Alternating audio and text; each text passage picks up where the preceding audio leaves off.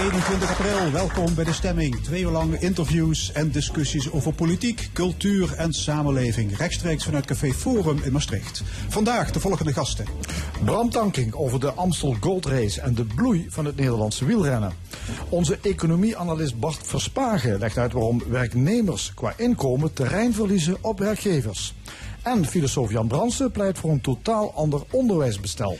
In het tweede uur aandacht voor hebzucht. Filosoof Jeroen Linsen schreef een boek over inhaligheid door de eeuwen heen. Dan ook een column en het panel discussieert over allerlei actualiteiten. En de muziek die is vandaag van Solomon. I am leaving today. The wait is over.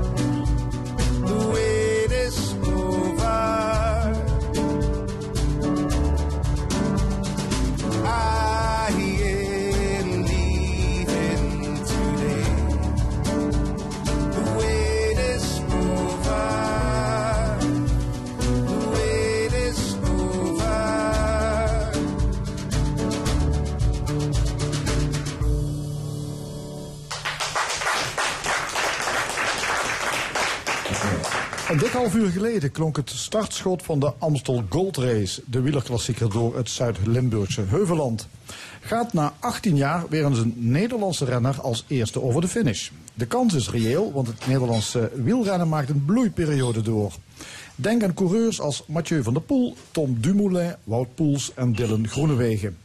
Bij ons Bram Tankink, de wielerprof die onlangs na 18 jaar een punt achter zijn carrière zette. Ja, dat was in eh, oktober. Eh, de finish van die laatste wedstrijd was in IJsden. Ehm, is er nog altijd wennen? Afkicken? Nee, helemaal niet. Integendeel. Ehm ik ben daarna wel... Ik, het was 7 oktober en ik ben echt 1 oktober al in mijn nieuwe baan gestapt. Bij, bij Brightlands hier in, eh, in Zuid-Limburg, Ja. Brightlands Campus. En daardoor ehm, was er geen gat eigenlijk na mijn carrière. maar toch, maar je bent 18 jaar op het topsportman. Is het dan niet zo dat dan opeens een nieuw, totaal ander leven begint? Ja, het begint wel een totaal ander leven inderdaad. Ehm, Ook voor vrouwen en kinderen neem ik aan. Ja, ja, nou ja, zij zijn heel blij dat ik eh, vanaf nu thuis ben. Eh, ze zeiden al, we hebben een volledig andere man thuis. En eh, iemand die er, als hij er ook is, daadwerkelijk ook is, zeg maar, ook in zijn hoofd. Want je moet je voorstellen dat je zo'n koers hebt, bijvoorbeeld nu zoals vandaag de Amstel, dat is 260 kilometer. Maar dat is niet zomaar even fietsen. Je, je rijdt de hele dag tussen hagen van mensen door, ook om enorme stress, valpartijen, ehm, eh, die, die stress, die inspanning die er dan ook nog eens bij komt. Dat, dat moet je lichamelijk niet alleen verwerken, ook geestelijk. Vaak was het de, avond dat ik dan thuis kwam van zo'n van zo'n klassieker, sliep ik niet. Want dan ben je al in je hoofd, gaat, de hele koers die wordt nog een keer herhaald in je hoofd. Nou, en, dan, en dan ben je dus de dag erop ben je kapot, die dag erop ben je ook nog kapot. Die dag erop, dan, dan, dan, dan, dan begin je weer een beetje bij te komen, maar dan moet je alweer Dus dat gaan was toch trainen. een ander bestaan dan, dan tegenwoordig. Ja, dat is wel Ja. eh, Bent u nog altijd aan het aftrainen? Eh, nee. Ja, aftrainen. ik, Moet je niet af en toe een beetje, beetje afbouwen? Nee, af, eh, aftrainen is een, is, een, is een. Ik weet niet wie dat ooit bedacht heeft. eh, maar dat is zo'n fenomeen, dat, daar heeft de hele, hele wereld het over. Maar als je dat bij de cardioloog gaat vragen van... wat moet ik aftrainen? Dan zegt de cardioloog... nee, je moet 10% doen van wat je deed. Nou ja, goed, als ik 30 uur in de week sporten... dan ga je nu drie uur in de week sporten. Nou, Ja. dat, goed, eh, dat gaat prima. Ik las ergens dat uw nieuwe passie hardlopen is. Klopt ja, dat? nou ja, passie. Dat is dan, ik denk, als ik, dan, als ik dan inderdaad met sport bezig moet zijn, dan is hardlopen net iets effectiever dan, eh, dan wielrennen. Maar ik moet eerlijk zeggen, daar, eh, na 18 jaar wielrennen kunnen mijn spieren dat echt niet aan. Nee. nee, Dus geen wedstrijden? nee, nee, nee, nee, nee. nee. U zei al, u heeft een nieuwe baan. U bent eh, ambassadeur van de Brightland Campus op Gemmelot in Geleen. Wat moet u doen? Ehm, het, is, het is heel divers eigenlijk. Maar wat ik momenteel doe, ik, ik, ik val onder het stukje New Business Development. En eigenlijk kijken wij van wat kunnen wij eh, vanuit de regio aan de campus toevoegen aan bedrijven. En andersom, wat kunnen wij als campus toevoegen aan de regio. Omdat die Brightland Schimmel Campus, daar stond natuurlijk altijd een heel groot hek omheen. En iedereen had het idee van wat daar binnen in, op die campus gebeurt, is van die campus. Maar wij zoeken nu juist de, weg, eh, de connectie met MKB. En er gaat bijvoorbeeld, eh, er is nu een fietsproject gestart. Daar is een kick-off is afgelopen week geweest. Waarin we eigenlijk met bedrijven uit de regio samen een fiets ontwikkelen. In Limburg, een Limburg branded bike, zeg maar. Een 100% Limburg fiets.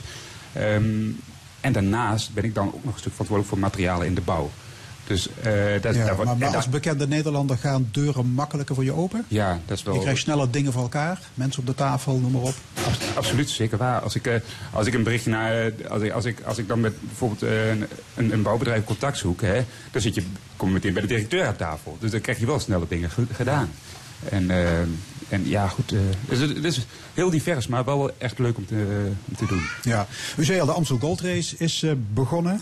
Eh, hoe vaak heeft u deze koers gereden? Ja, ik geloof 14, 14 keer. Ja. 14, 14 keer. 14. Altijd als knecht of ook wel eens een keer als beschermde renner? Ehm, ja, weet je, hebt wel eens als beschermd te rennen, maar ehm, ik had altijd wel iemand, zeg maar, we reden toch bijna altijd wel echt met een kopman in die, uh, die klassieke. Dat was eerst bij Bettini, bij Quickstep, uh, later met Frère bij Rabobank en het laatste jaar eigenlijk met Robert Geesink ehm, bij, bij Lotto Jumbo. En goed, dan ging het in die finale toch vaak wel die kant op. Maar de Amstel is een hele, heeft, een, heeft een heel eigen karakter tot voor kort zeggen, echt met de finish bovenop de Kouberg. En had je vaak maar drie of vier potentiële winnaars. En ik kon die koers gewoon, maar goed, ik won sowieso niet veel koers natuurlijk, maar ik kon die koers al sowieso niet winnen. En, en goed, dan ga je daar ook naar, daar ga je daar ook naar rijden. Hè? Dan zorg je dat je in het voortraject eh, wat kunt... eh, Ja, hoe, kunt lastig is de Gold Race? Heel erg lastig. Als je, als je kijkt naar, naar wattages en ehm, bijvoorbeeld waar wij heel veel naar kijken, als renners naar jou, ehm, zeg maar de factor van intensiteit, dus de intensiteitsfactor, is de Amstel de zwaarste klassieker van het hele jaar. Dat is echt dat is heel bijzonder. En het is daarnaast ook nog eens een, een, een samenkomst van Vlaamse renners en de klimmers, dus de Waalse renners. Dus daarmee krijg je echt dat de hele top hier aan de start staat. En, en, en die clash is eigenlijk heel leuk om te zien. Ja, wie zijn de grootste kanshebbers voor de overwinning? Noem er Eh, eens drie. Eh, nou, dan heb je eh, natuurlijk Alaphilippe. Hè? Ja, Sagan. Sagan zou bijvoorbeeld deze koers ook kunnen winnen. Die komt vanuit Vlaamsweg. Maar die is niet zo heel erg goed dit jaar. Maar die, die lijkt wel een stijgende lijn in te zitten. En natuurlijk nu Mathieu van der Poel. Ja. Maar dat ja, dat is de nieuwe sterren, dat firmament, hè? Mathieu van der Poel. Wereldkampioen veldrijden, maar ook een klasbak op de weg. Won deze week nog de Brabantse Pijl. Hoe groot wordt deze pas 24-jarige? Voorspelt u hem een grote toekomst? Ja, hij, hij heeft de potentie om een hele goede wegrenner te worden. Maar vooral in het klassieke werk. Laten we dat voorop stellen. Ja, de Eh, meerdaagse etappenwedstrijden, dat is niks. Nee, ik denk dat, we, dat, hij is te zwaar gebouwd eigenlijk al om, om een, eh, de Ronde van Vlaanderen, of sorry, de Ronde van Vlaanderen, de Ronde van Frankrijk of de Ronde, of de Ronde van Italië of de Ronde van Spanje te kunnen winnen. Dus daar, daarvoor zijn, dus, ja, daar moet hij het gewoon afleggen tegen de echte puurzang klimmers. Maar dit soort koersen, daar gaat, hij, daar gaat hij in de toekomst echt heel veel van kunnen winnen. Maar goed, aan de andere kant, ook nog even gezegd hebben, Tom Bonen, toen Tom Bonen in 2005 eh, Vlaanderen en Roubaix won, toen was hij, hij was toen net zo oud als Mathieu van der Poel. En toen zei Erik Dekker, uh, ja, de komende jaren heeft het van ons gestimmeerd om meer te doen met, uh, met de klassiekers. Want Tom, als hij zo goed is en hij gaat nog groeien, gaat hij alle jaren winnen. Nou goed, hij heeft er drie gewonnen uiteindelijk. Dus het is niet gezegd dat, dat hij er zo heel veel gaat winnen. Ja, laten we het eens hebben over Tom Dumoulin. Hè? Toch een van de beste wielrenners ter wereld. Ja, zijn hoofddoel dit seizoen is de Ronde van Italië en niet de Tour. Uh, ja, dat heeft tot veel discussie geleid. Wat vindt u van zijn beslissing? Het valt nog te bezien of het echt zo is. Dat is natuurlijk wat er gezegd wordt. Wij weten niet wat er in het hoofd van Tom Dumoulin omgaat. Dus, um, goed. Vorig jaar ging hij ook voor de Giro. En reed uiteindelijk ook in de Tour. En werd hij bij de tweede. En hij gaat dit jaar, in principe gaat hij waarschijnlijk hetzelfde traject aan. En hij zei, ja, wat vorig jaar ging, waarom zou dat dit jaar niet gaan? Ik bedoel, en als je tweede kunt worden, kun je ook winnen. He, dus dan ben je afhankelijk nog van één concurrent die net beter is dan jij. Mm -hmm. Dus um, hij gaat naar de Giro om daar, om daar het maximale eruit te halen. Ja, om, ook omdat dat parcours op zijn lijf geschreven is. Hè? 60 tijdritkilometers. Dus er wordt gezegd, de Italianen hebben de lopen voor hem uitgerold. Klopt, ja. Dat is zeker waar. Maar dat wil niet, ik denk dat hij de Tour ook kan winnen. En, en volgens mij, dat, dat denkt hij zelf ook. En hij moet het ook zeker gaan proberen. Want stel dat hij het niet doet, dan zeggen die Fransen... ja, nou, nu hebben we iets uitgevonden. Nu hebben we een parcours gecreëerd voor alleen maar Franse klimmers. Dan gaan ze de komende jaren doen. Dus snap je? Dus als ja. hij...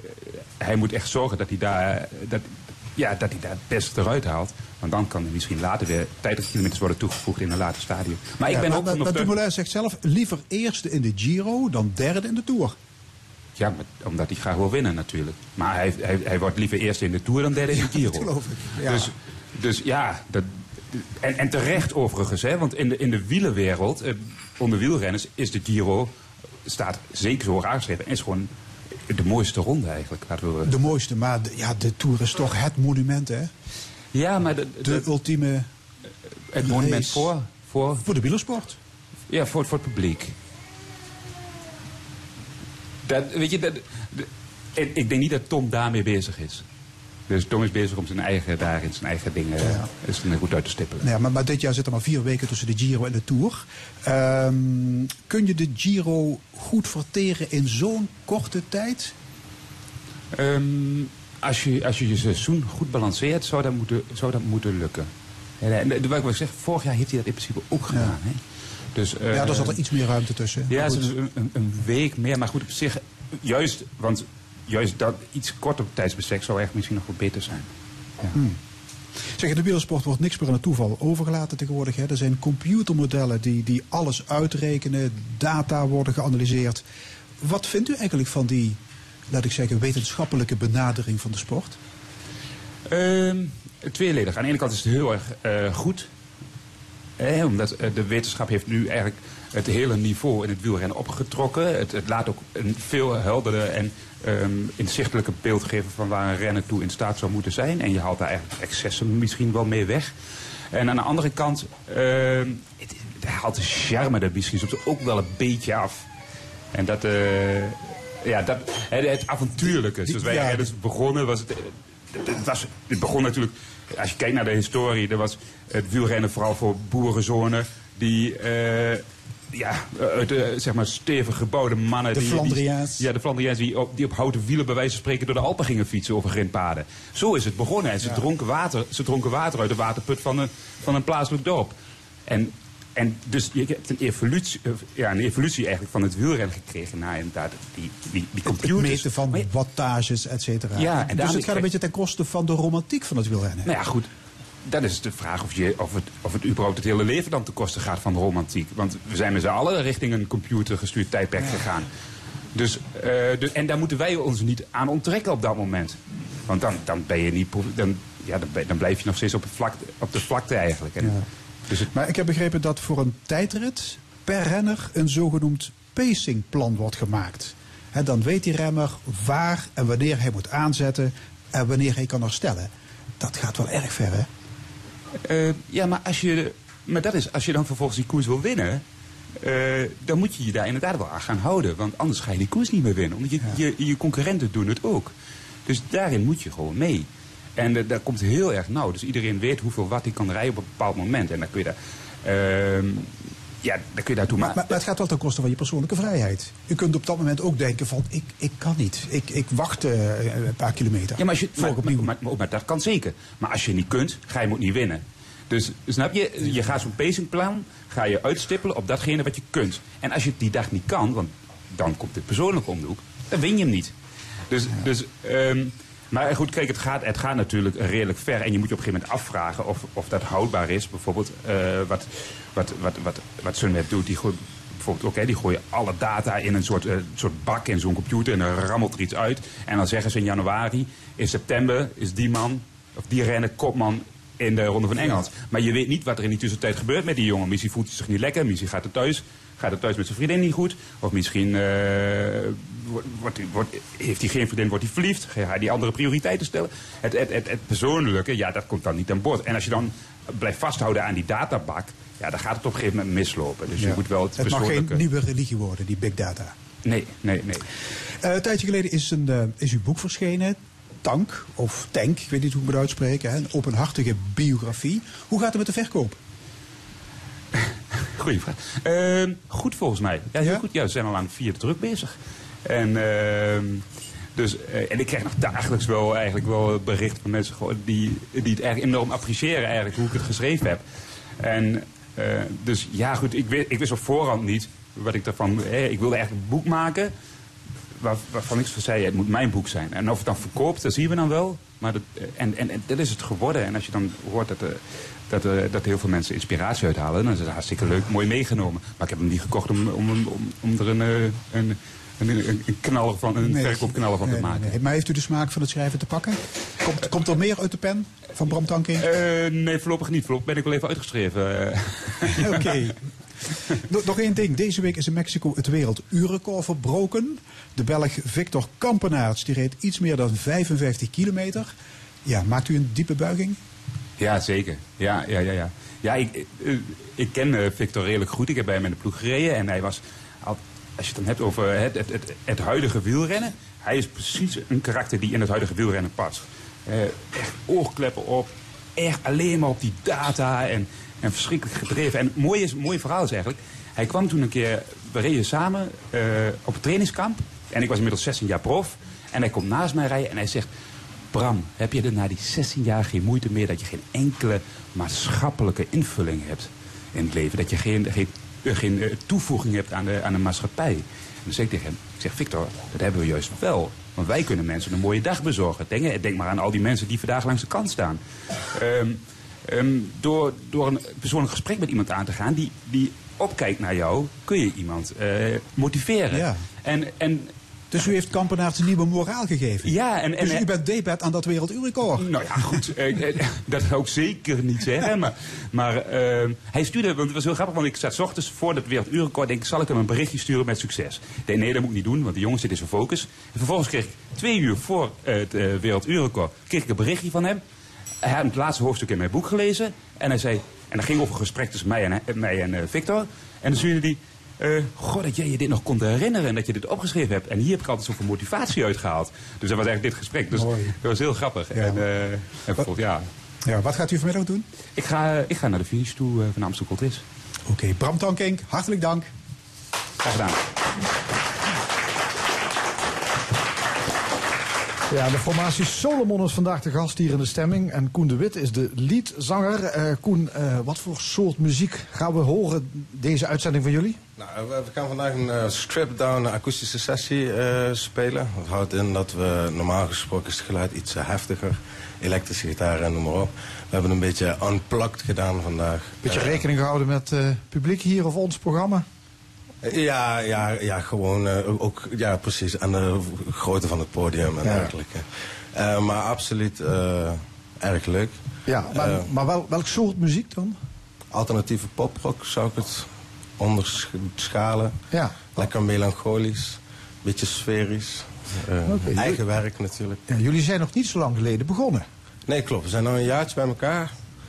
Ehm, ontstaan vanuit een clubje sessie muzikanten die wekelijks in Café de Pieter een open podium organiseren. En eh, natuurlijk altijd eh, zelf bezig geweest met werk schrijven. En toen kwam daar het moment dat, dat, dat we besloten om een band te vormen. Dus nog niet zo vaak opgetreden ook, neem ik aan? Met het eigen werk? Nee, absoluut niet. Nee, we, nu twee keer. Twee keer? Dat is de derde keer, hè? Ja, met eigen werk. En dat gaan we ook eh, hier vandaag horen. Absoluut. Ja. Ze, ze zijn wel, dus zijn wel ervaren mensen hè, die op het podium staan. Die zelf van het zijn Ja, zeker. sa- samen weinig opgetreden, maar wel ervaring allemaal. Ja, ja, ja. In verschillende bands. eh, iedereen heeft zeker wat, wat podiumervaring. Ehm merendeel heeft ook eh, conservatorium eh, gestudeerd. De ene docent muziek, de ander studeert momenteel conservatorium. Dus we zijn wel een clubje muzikanten bij elkaar. Ja, oké, dat moet goed komen. Wat is het eerste nummer wat we gaan horen? Het eerste nummer is The Wait. Dat het eerste nummer wat we ooit hebben opgenomen. Ook op dit moment het enige nummer wat, wat online te vinden is op Ja. YouTube. Kun je er iets over vertellen? Eh, kort door de bocht. ehm, het gaat over eh, het loslaten van een, van een situatie waar je struggelt en zegt van, eh, noem even een relatie in mijn geval, en ben er klaar mee. Ik stop met wachten tot het beter gaat. Ik kies nou zelf om, om te gaan doen wat ik wil doen in de toekomst. Oké, we gaan luisteren. Dankjewel. Loop terug naar het podium. eh, Koen de Witte van eh, Solomon. En we gaan dus luisteren naar hun eerste nummer hier in de stemming. En dat is The Wait.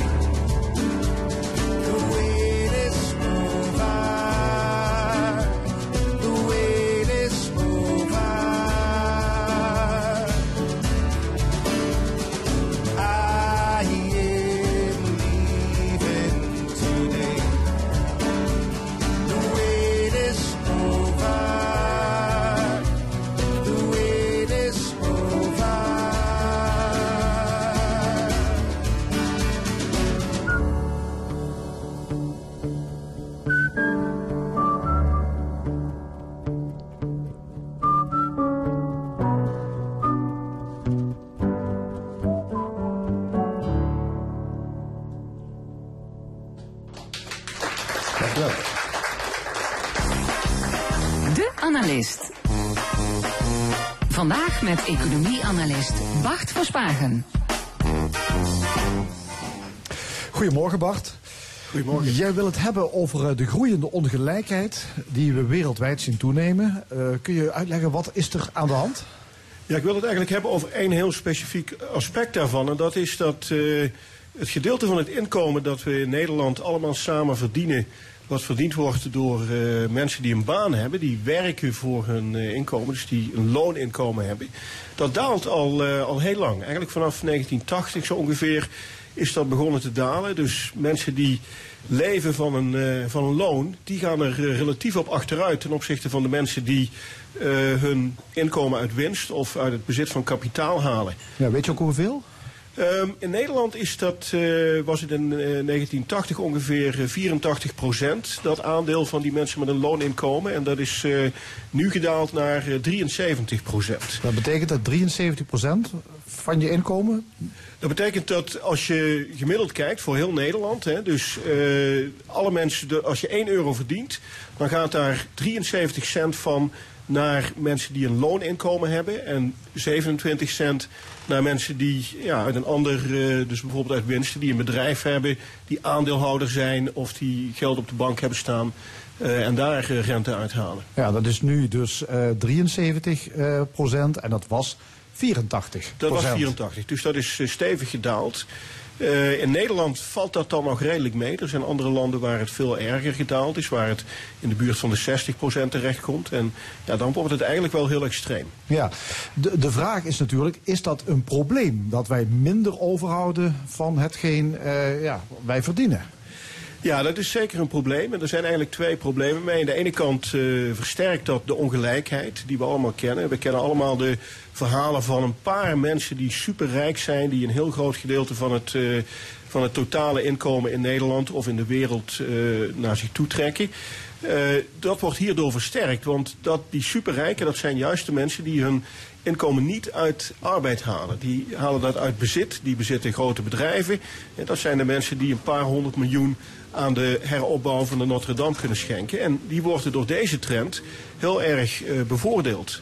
En het, het andere probleem is dat Eh, een heleboel van dat geld wat dus nu niet naar arbeiders gaat, dat blijft in bedrijven zitten en daar wordt niks mee gedaan.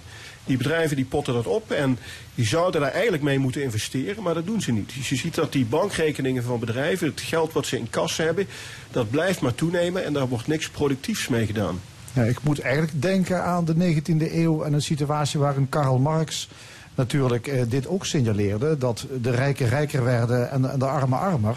En hij voorspelde toen dat dat ooit natuurlijk verkeerd zou aflopen. Ja, precies. Eh, het is eigenlijk een beetje een situatie uit die tijd. Hè, toen arbeiders echt uitgebuit werden door de, de kapitalisten, zoals het in dat jargon dan heet. En daar gaan we een klein beetje naar terug. Het is nog niet helemaal zo extreem, maar langzamerhand gaat het daar wel een beetje op lijken. Ja, de opkomst van, van de gele hesjesbeweging, zou je die misschien ook... Ja, zou dat een gevolg kunnen zijn van dit, eh, dit, hetgeen jij nu schetst? Ik denk het zeker, omdat eh, je ziet dat in die beweging, maar ook in, in allerlei andere zaken, populisme in het algemeen, komt toch voort uit ontevredenheid. En mensen zien eh, die trend misschien niet op de manier zoals ik daar naar kijk in, in de cijfers, maar ze zien het om zich heen, die ongelijkheid. En ja, dat zorgt voor ontevredenheid en dat komt op die manier tot uitdrukking. Ja. Het is dus niet alleen dat mensen daar ontevreden over zijn, want dat kun je je wel voorstellen. Als je minder overhoudt van de euro die jij verdient, ja, dat is niet leuk. Maar jij zei ook iets anders. Eh, bedrijven, of wie dat geld dan eh, ook overhoudt, doen daar eigenlijk niks mee. Dat wordt opgepot. Ja, dat geld dat komt eh, eigenlijk op bankrekeningen terecht van bedrijven, om het simpel te zeggen, of blijft daar in kas. En ja, bedrijven zijn natuurlijk in de samenleving de, de instituten die ervoor moeten zorgen dat we, dat we groeien. Dat we productieve investeringen doen, dat we machines aanschaffen, dat we in de wereld onze producten en diensten kunnen verkopen. En omdat dat geld allemaal daar blijft zitten, eh, gebeurt dat niet. Eh, dat, dat geld zou gebruikt kunnen worden, maar dat, dat gebeurt gewoon niet. Het is, het is eigenlijk nog zinloos dat het op die manier wordt, eh, ja, aan de kant wordt gelegd. Ja, het is eigenlijk alleen maar zinvol voor de paar mensen die eh, veel van die bedrijven bezitten. Dus voor de aandeelhouders, voor de superrijken, daar heeft het zin voor. Voor hun zijn het goede reserves. Maar voor de maatschappij als geheel is dat eh, bijzonder onproductief. Ja, je kunt je zelfs afvragen hoe, waarom je zoveel reserve zou moeten hebben. Ja, precies. Eh, bedrijven moeten natuurlijk ja, een bepaalde buffer hebben. Ze moeten tegen een stootje kunnen als er een crisis zou komen. Maar ja, die, die, eh, die kasreserves die ze nu hebben, die zijn echt eh, ontzettend hoog. Ja. Volgens mij heet het met een moeilijk woord de arbeidsinkomensquote waar we het over hebben. Ja, dat is de term die we daarvoor gebruiken. Maar dat is eigenlijk heel simpel. Hè. Dat, dat is het aandeel van looninkomen in het totale inkomen van, eh, van Nederland. Ja. Eh, waarom, of waardoor komt het dat die arbeiders in, eh, arbeidsinkomensquote dat die blijft dalen? Wat is de oorzaak daarvan? Er zijn eigenlijk twee oorzaken voor. De ene is dat ehm, je ziet dat de arbeidsmarkt steeds verder geflexibiliseerd wordt. Hè. Weinig vaste contracten, flexibele arbeid, tijdelijke contracten, eh, oproepkrachten in bepaalde sectoren. En ja, dat zorgt ervoor dat die arbeid heel goedkoop wordt. De dure vaste banen, die zie je steeds minder. Eh, die waren ook veel beter betaald. Dat is, dat is één trend. Ja, gewoon 1 miljoen ZZP'ers in Nederland, geloof ik op dit moment al. ZZP'ers ook, die vallen daar ook zeker onder. Hè. Het is veel makkelijker om een ZZP'er in te huren dan om iemand in, in vaste dienst eh, te nemen. En het is ook veel goedkoper, omdat je die door middel van concurrentie een beetje tegen elkaar kunt, eh, kunt uitspelen. Dus dat is, dat is de ene trend. Ehm, de andere trend is toch ook wel heel duidelijk technologie. Eh, je ziet dat de technologische verandering heel vaak gericht is op het vervangen van arbeid. We lezen allemaal over robots, over kunstmatige, kunstmatige intelligentie, slimme software. Eh, dat zorgt ervoor dat er een heleboel banen verloren gaan. En ja, dat wordt dus vervangen door machines, door robots. Vaak zijn dat geen echte robots, maar het zijn slimme machines, computers, software. En ja, het inkomen wat die machines verdienen, dat gaat natuurlijk niet naar een arbeider. Dat gaat naar degene die die machine gekocht heeft, die daarin geïnvesteerd heeft. Dus dat, is het bedrijf en die aandeelhouder.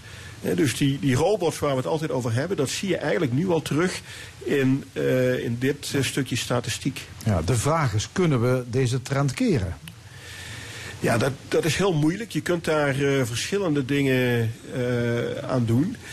Je kunt je ook afvragen, wil je het keren? Er zitten ook goede kanten aan. Want als je het even heel rooskleurig voorstelt, hè, dus een, ja, een beetje een optimistisch toekomstbeeld, maar als we allemaal onze robot naar het werk zouden kunnen sturen, zouden we lekker in de tuin kunnen gaan zitten en dan zouden we toch geld verdienen. Uh, dus je wil ook niet dat alles daarmee gestopt wordt. Je wil de goede kanten daarvan behouden. Uh, en je kunt proberen om die technologische verandering een beetje de andere kant op te sturen. Je kunt er ook voor zorgen dat mensen uh, die, die machines, die robots gaan bezitten. Je kunt zeggen van ja, je kunt daarin investeren zoals een pensioenfonds doet. Uh, en je kunt ook denken aan maatregelen zoals een basisinkomen, dus herverdeling van inkomen. Dat zijn allemaal maatregelen waar je iets, uh, waar je, waarmee je dus iets kunt doen aan die, die trend van dat dalende arbeidsinkomen. Ja, jij zegt nu, eh, als we onze robot allemaal naar het werk sturen, dan kunnen we zelf in de tuin gaan zitten. Dat, dat klinkt natuurlijk heel erg leuk. Maar zal de situatie niet eerder zo zijn dat er enkele rijke, machtige mensen zijn die die robots bezitten? En dat een groot deel van de bevolking buitenspel staat? Precies, dat is het gevaar. Hè? Dus uh, maar wat ik maar wil aangeven is, het gaat misschien niet zozeer om die technologie zelf, maar het gaat om hoe je het verdeelt. Dus als je ervoor zorgt door een beleidsmaatregel of door mensen te stimuleren om te investeren in, uh, in, in het bezit van dat soort technologie, dan kun je de goede aspecten daarvan behouden en dan uh, kun je het inkomen toch gelijker verdelen.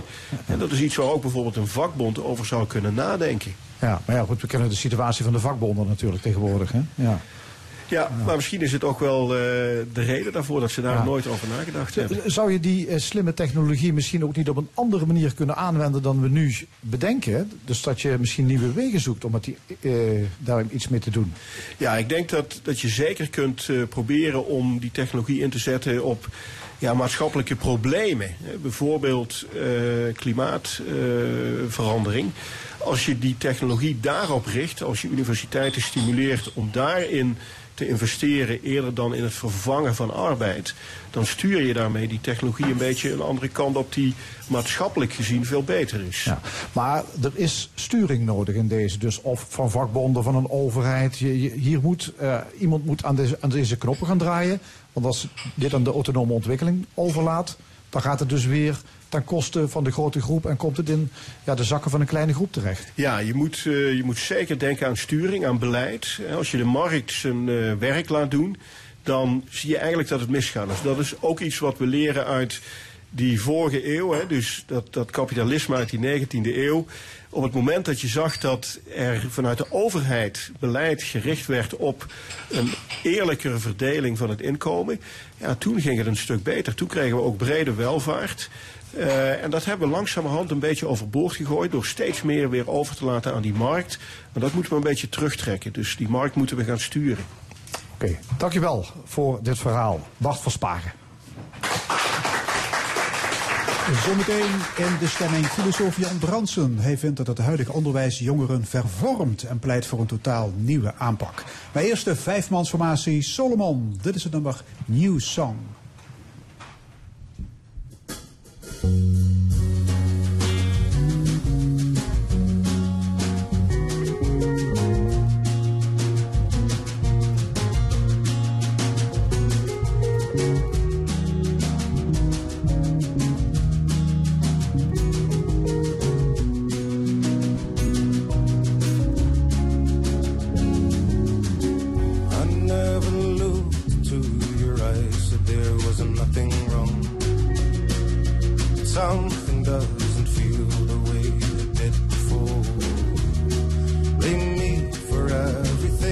I guess that I was wrong. Something that I don't overcome.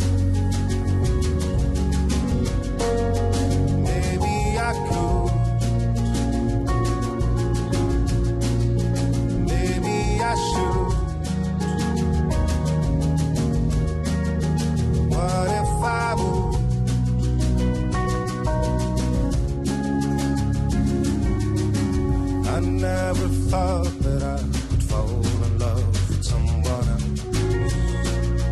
All we ever were, I guess, was old pretend. You threw caution to the wind and took us off cloud nine. I guess I could never fall in love.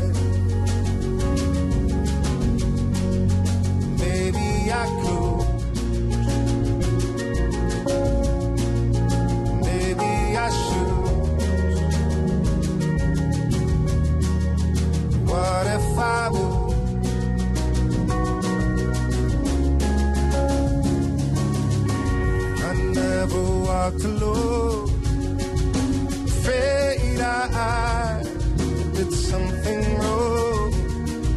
Said I got something that I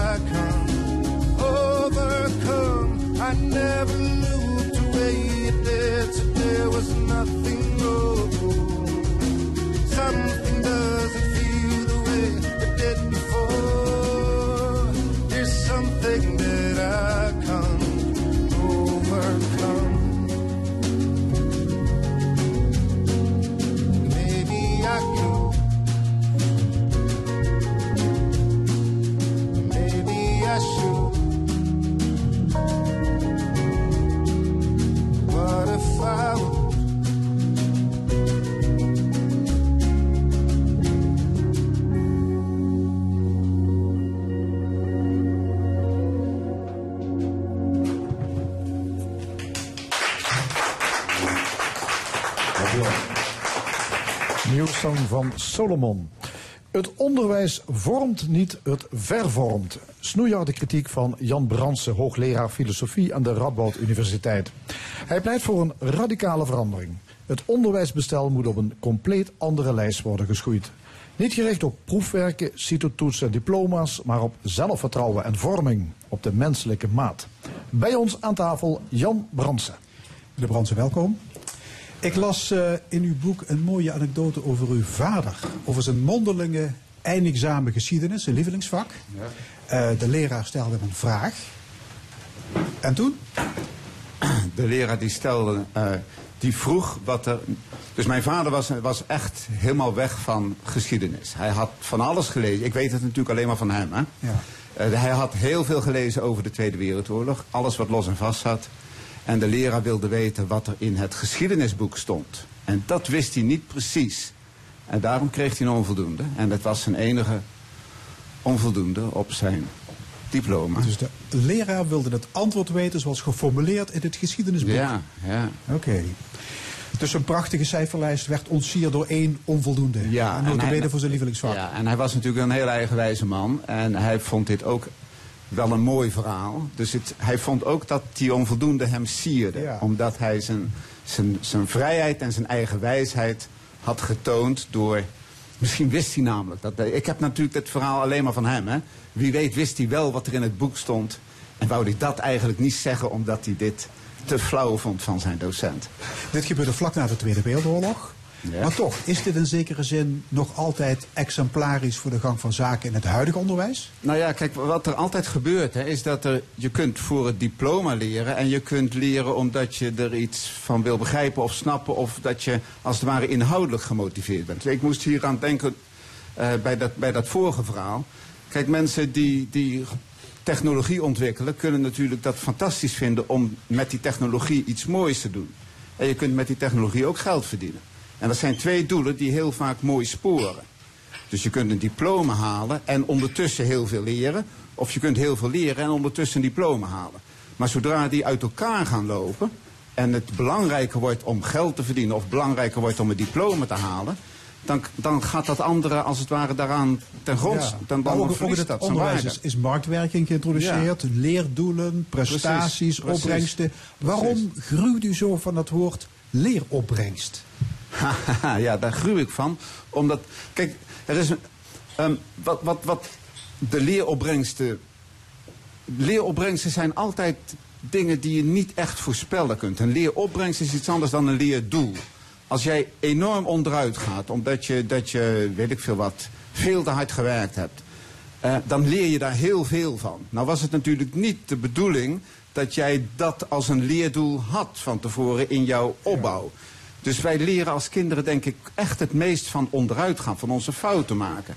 Maar je gaat school natuurlijk niet organiseren om fouten te maken. Tenminste, je moet dat natuurlijk een beetje beschermd doen. Dus er is een verschil tussen de opbrengst van het leren en het doel waarop je het leren organiseert. Ja. En als je te veel op doelen gaat focussen, dan gaat het net zo werken als in de economie. Dan ga je dus geld verdienen of diploma's halen, zonder dat je nog aan het leren bent. Aan, aan dat wat de moeite waard is Ja. om te leren. Er zit sowieso een ernstige constructiefout in ons onderwijs, Ja. zegt u. Ja. Namelijk de tweedeling tussen de tijd op school en de rest van je leven. Maar u zegt van die laatste schooldag, dat is helemaal geen harde knip. Nee. Leg er eens uit. Nee. Eh, nou ja, kijk, leren, leren stopt natuurlijk nooit. Iedereen weet dat als je diploma, je, je, je rijbewijs gehaald hebt, ja, dan, Dan dan, mag je veilig op straat. Dus dan hebben je een soort van minimumveiligheid met elkaar gecreëerd. Maar daarna ga je pas echt leren autorijden. Dus dat leren gaat altijd na het diploma. Iedereen leert ook het meeste van zijn eerste baan tijdens zijn eerste baan. En dan, dan zijn er allerlei dingen die je op school misschien wel gehoord hebt, maar die heb je niet geleerd als iets wat, wat, wat beklijft of wat betekenisvol is. Maar je zit op, je, op, op school van je vierde tot je zestiende. Hè? Dan Ja, moet je ja, ja. stilzitten, dan moet je luisteren, huiswerk maken, 16, hè? opdrachten uitvoeren, kennis verwerven. U vindt dat geen voorbereiding op het echte leven? Nee, nee, dat vind ik niet, denk ik. Nee, dus, ehm, kijk, er zitten twee dingen die, die, die mij niet bevallen aan die opdeling van eerst leren en dan leven. Eh, namelijk dat als het ware je kunt suggereren dat het leren stopt na, het laatste, hè, na die laatste schooldag. Maar je suggereert ook dat het leven eigenlijk nog niet begonnen is voor die laatste schooldag. En dat voelen leerlingen denk ik heel goed. Die voelen heel goed dat dat wat zij doen nog niet telt als volwaardig leven. Terwijl het natuurlijk helemaal volwaardig leven is. En het enige wat we doen door ze zo lang op school te houden... is dat we ze heel goed maken in leerling zijn. Dat Ja. kunnen ze hartstikke goed. En dat is de En reden dan waarom u een hekel heeft aan die tsunami, aan toetsen, proefwerken, Ja, ja, rapporten, overhoringen, tentamens. Ja. Dat vindt u allemaal, staat in het boek, te instrumenteel. Ja, wat, en wat het bevestigt, het bevestigt iedere keer dat je mag stoppen met leren op het moment dat je een toets gehaald hebt. Dus, dus waar, waar leren eigenlijk iets interessants en fijns en boeiends is, iets wat het leven mooier maakt. Wat, wat, wat we ook altijd aan het doen zijn, wat, wat gewoon hoort bij hoe wij als mensen bestaan. Dat leren wordt iets wat we langzaam vervelend gaan vinden. En wat mag stoppen als ik een toets heb gehaald. Of een proefwerk of een diploma. En dan moet ik hopen dat ik het lang genoeg volhoud tot mijn laatste diploma. Dan mag ik eindelijk de school vaarwel zeggen. Hoef ik nooit meer te leren. En dan ontdek ik natuurlijk dat leren daarna gewoon doorgaat. En eigenlijk ook de moeite waard was. Maar niet op de schoolse manier. Ik lees een stukje voor uit uw boek. Tussentoetsen vink je af. Als je ze allemaal hebt gehaald, ben je klaar. Als je alle tentamens hebt gehaald, krijg je je diploma en dan ben je echt klaar. Dan kan het echte leven eindelijk beginnen. Hoe dat moet, dat moet je niet vragen. Nee. Nee, dus wat, ik denk dat. Kijk, een van de dingen die, die denk ik een grote rol speelt in hoe het onderwijs zich ontwikkeld heeft. Is dat wij steeds meer zijn gaan denken dat mensen en, en het brein van mensen een soort informatieverwerkende computer is. En wat in een informatieverwerkende computer niet, geen plaats heeft, is levenslust, is wil, is verlangen. Wij weten niet, wij, wij kennen helemaal geen computers die verlangen hebben. Maar mensen hebben natuurlijk wel verlangen. Wat er in ons onderwijs gebeurt, omdat wij aangemoedigd worden om informatie tot ons te nemen en te verwerven, is dat ons geleerd wordt om ons verlangen even opzij te zetten. Om ons verlangen en de ontwikkeling van onze wil, dat is nog veel belangrijker, om die ontwikkeling van de wil te parkeren. Daar doen we niks mee in het onderwijs. In, tenminste in de meeste reguliere vormen van onderwijs. En dan ben je aan het eind klaar en dan heb je alle informatie verwerkt die er te verwerken was. En jouw wil is niet verder ontwikkeld dan een kleuter van twee. En, en, eh, en, en je weet dus helemaal niet wat je wil. Want kleuters van twee, als ze moe zijn, weten ze echt niet meer wat ze willen. Maar stel, u bent minister van Onderwijs. U Ja. krijgt eh carte blanche. Dan gaat u het huidige onderwijsbestel afbreken, verm- vermoed ik zo. Wat komt er voor in de plaats? Ja, dus, dus ik, ik zet eerst één stap terug, want ik wil geen minister van Onderwijs worden. Eh, ik denk niet dat er één plek is waar je het kunt organiseren. Dus wat ik met mijn boek graag wil, is dat onze mentaliteit verandert. Dat wij anders over onderwijs gaan denken. En dan En kan er een, heel is- veel gebeuren. En het, het En wie tweede deel. Wie is wij? Ja, het tweede deel van mijn boek, daarin doe ik een voorstel waarvan ik denk, zo zouden we het kunnen organiseren. En daarin speelt een grote rol dat het initiële, dus het, het onderwijs wat je hebt voordat je, voordat je niet meer dagelijks naar school gaat, dat kan wat mij betreft veel korter. 12, 13, 14 jaar. Daarna kunnen kinderen echt wel 1, 2 of 3 dagen gaan werken. En ik wil dus al het hoger onderwijs duaal werken en leren naast elkaar, dan mag onderwijs ook veel langer duren. Dus stel dat je, stel dat je middelbare scholier, dat je, je wordt leraar Duits, of je wordt advocaat, of je wordt verpleegkundige. Vermoedelijk ben je pas goed in je beroep, in je professie, als je een jaar of acht na je laatste diploma ervaring opgedaan hebt. Waarom zou je nou niet die acht jaar plus die zes jaar daarvoor onderwijs uitbreiden tot 14 jaar? Je zegt, in die 14 jaar werk je gewoon alle dagen, werk je al drie dagen per week, twee dagen per week ga je naar school, 14 jaar lang. Eh, dan heb je als het ware veel beter een interactie tussen wat jij op je werkplek leert. Want op je werkplek leer je ook een heleboel. En hoe je dat gaat verwerken in je, in je reflectie. Dat is nogal een revolutionair plan. Dus drie dagen naar school, twee dagen buitenschools Ja, leerwerken. buitenschools leerwerken noem ik het in Is dat vergelijkbaar met de maatschappelijke dienstplicht? Of Ja, dus ik heb. eh, dus het, dus ik ken Lisa Westerveld, die zit in de Tweede Kamer voor GroenLinks. En ik heb met haar een gesprek hierover gehad, onderwijsspecialist. En ik wilde het eerst in mijn boek, zij las een beetje mee. Ik wilde het maatschappelijke dienstplicht noemen. En ze zei, dat moet je niet doen. Dat klinkt naar CDA. Dat klinkt ook naar een plan wat er al geweest is en mislukt is. Dus daarvoor heb ik gekozen voor buitenschools leerwerken. Het is misschien hetzelfde, maar, maar, maar het is ook denk ik wel echt iets anders. Want dienstplicht zit natuurlijk weer plicht in. En, en in leerplicht zit ook plicht. En, en leerplicht is een heel on- onhandig woord. Want als je verplicht iets leert, dan wordt leren vervelend en leer je eigenlijk veel minder. u komt met een, eh, met een soort drietrapsraket. Ja. Gebeurtenis, belevenis, handeling. Ja. Kunt u uitleggen wat u daarmee bedoelt? Ja, dat, dat is eigenlijk een, een, eh, een, eh, een, een route waarlangs mensen hun eigen leven gaan leren leven. Dus zelf als het ware hun leven leven. Ehm, en een gebeurtenis is iets dat gewoon gebeurt. Ik, ik gebruik daarbij het voorbeeld van een meisje wat op een fiets leert fietsen. Dat meisje ziet natuurlijk allerlei mensen fietsen. Die, dat, dat zijn gebeurtenissen. Er komt een fiets van links en die rijdt rechts weg en iemand zit erop. Dat is een gebeurtenis. Als zij zelf op het zadel wordt gezet, dan wordt het een belevenis. Dan is het een gebeurtenis die als het ware zelf meemaakt. Dit is ook een gebeurtenis voor de mensen die nu buiten langslopen. En voor mij is het een belevenis, want ik zit hier te praten voor de radio. Ehm, nou, behalve een gebeurtenis, of eh, dus na de gebeurtenis komt de belevenis, dat je het zelf meemaakt. Dat kind zit op het zadel en de fiets beweegt. Maar nou moet ze het ook nog zelf gaan doen. Dat wordt de handeling. Ja, ze moet als het ware de belevenis laten gebeuren doordat zij zelf de handeling verricht. Dus zij gaat het stuurtje beethouden, de trappetjes gaan en zij gaat zelf weg. En nu doet ze het. En deze belevenis is dus iets Ja. die ik doe. En voor jullie is het een belevenis, omdat ik nu aan het woord Oké, ben. maar die drietrapsraket, die vind je niet in het huidige onderwijs. Eh, ik denk dat je die drietapsraket eigenlijk overal wel vindt. Maar wat je in het huidige onderwijs vooral vindt... is dat de handelingen waarin leerlingen getraind worden... en waarin ze beter worden... zijn typische leerling- of studenthandelingen. Ze kunnen wachten tot ze een opdracht krijgen. Kunnen ze verschrikkelijk goed. Eh, dan kunnen ze die opdracht tot zich nemen en uitvoeren... zo minimaal mogelijk. Eh, dat kunnen ze ook heel goed. En daarna gaan ze zitten wachten tot de volgende opdracht. Maar, maar werk zit niet zo in elkaar. Nee, dus als je...